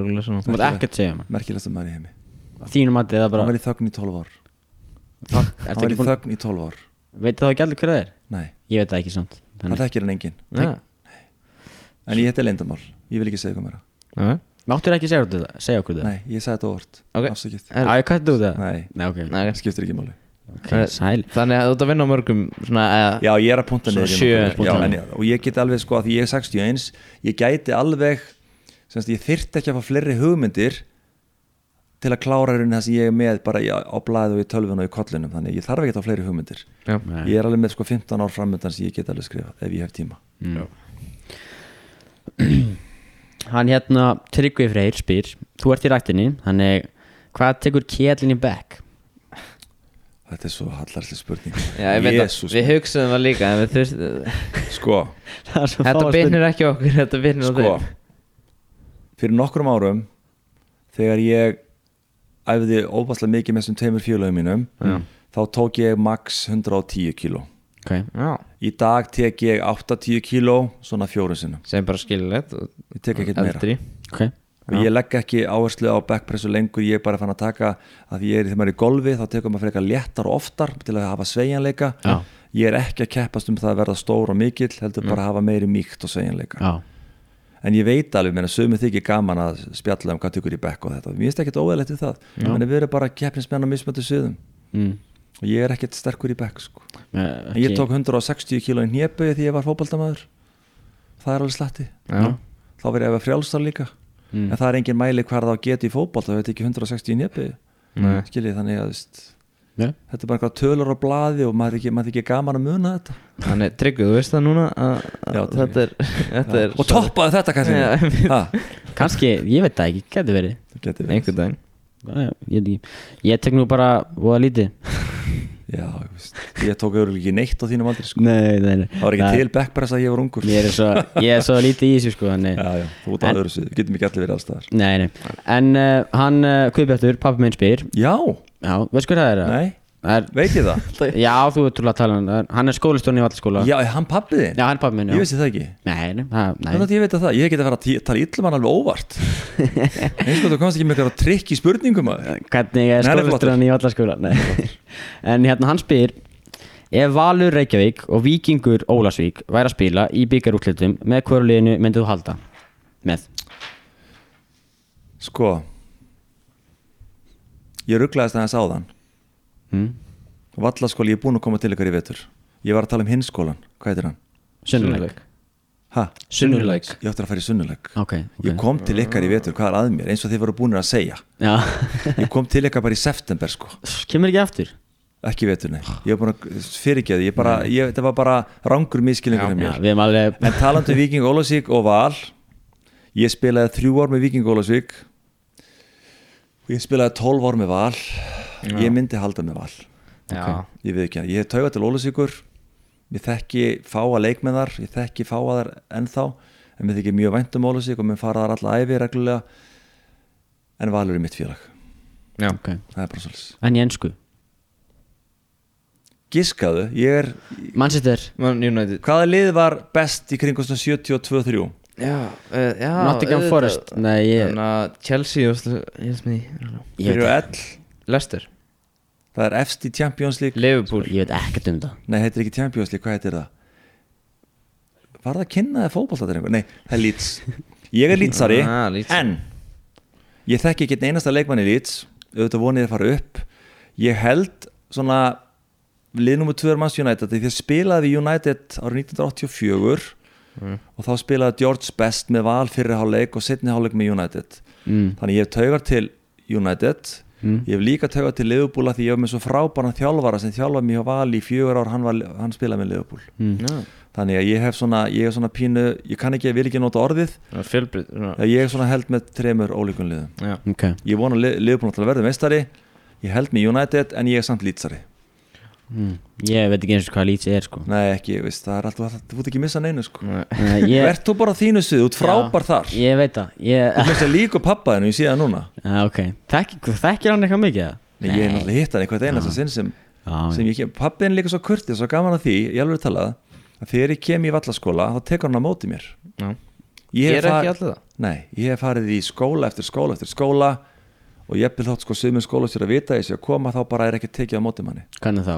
bara koma og segja bara halló. Já, þannig. Ekkert Heilsa upp á mig. eitthvað kaka eitthvað þannig. Nei, ég er ekki Ég er ekki, er, og er ekki, ég er ekki að byggja um neitt Nei, sko. nei, nei, einmitt, En mér finnst ákveðin kurtis að kemur gestur sem er að gefa vinnunum sín í skólanum að svona taka mót honum. Mér finnst það skipta máli. Og ég fæ nánast allstaðar svo sé á hreinu frábæri viðtökum Já, og þess vegna nefnum ég pappaðin sérstaklega hann tekur alltaf á móti með brosandi og líka Olga Sveinbjörns. Mm. alltaf. Já. Það var þetta bara komið í dag Þetta er sko. Þetta var svakast podcast. eitthvað sem þú vilt koma á framfæri? Ég held ég sé búin að segja miklu, miklu meira heldur en ég hafði þetta að segja. Bjóstu við svona ítarlegu Ég bjóst ekki við svona, við svona vel undirbúnum drengjum. Ég verði viðkjanna það. Bjöstu við bara, bara Ég svona held þetta er bara, hvað er er æ, já. Það er nú, það er nú einn Nei! Ó, Það er einn sem spurði hérna í alvöru? Jón Smári Ekki við, en það var Jón Smári spyr, Ó. hvað er ég fórst með Ó, Ó, þið í maður. tilvili Já. Við spyrum þetta ekki Nei, ok Ekki- Á ég að svara honum? Já, Ef þú vilt, bara ef þú vilt, snögt ef þú vilt. Já, sko, ég, ef ég svara alveg rétt Ég sko, uppáhaldsmaturinn minn er bara Ég er að, bara, vist, vist Í gær fikk ég lambakjöt að gegja Stundafæði þossknakka sem er æðislegt eins og sagði þá Það er ekki engin matur já. minn er banani. Já. Útla það er bara Búið. Og með handfang og allt og svo bara hendur maður í. Já. Í ruslið. Er næst sem að geti borðað hýði.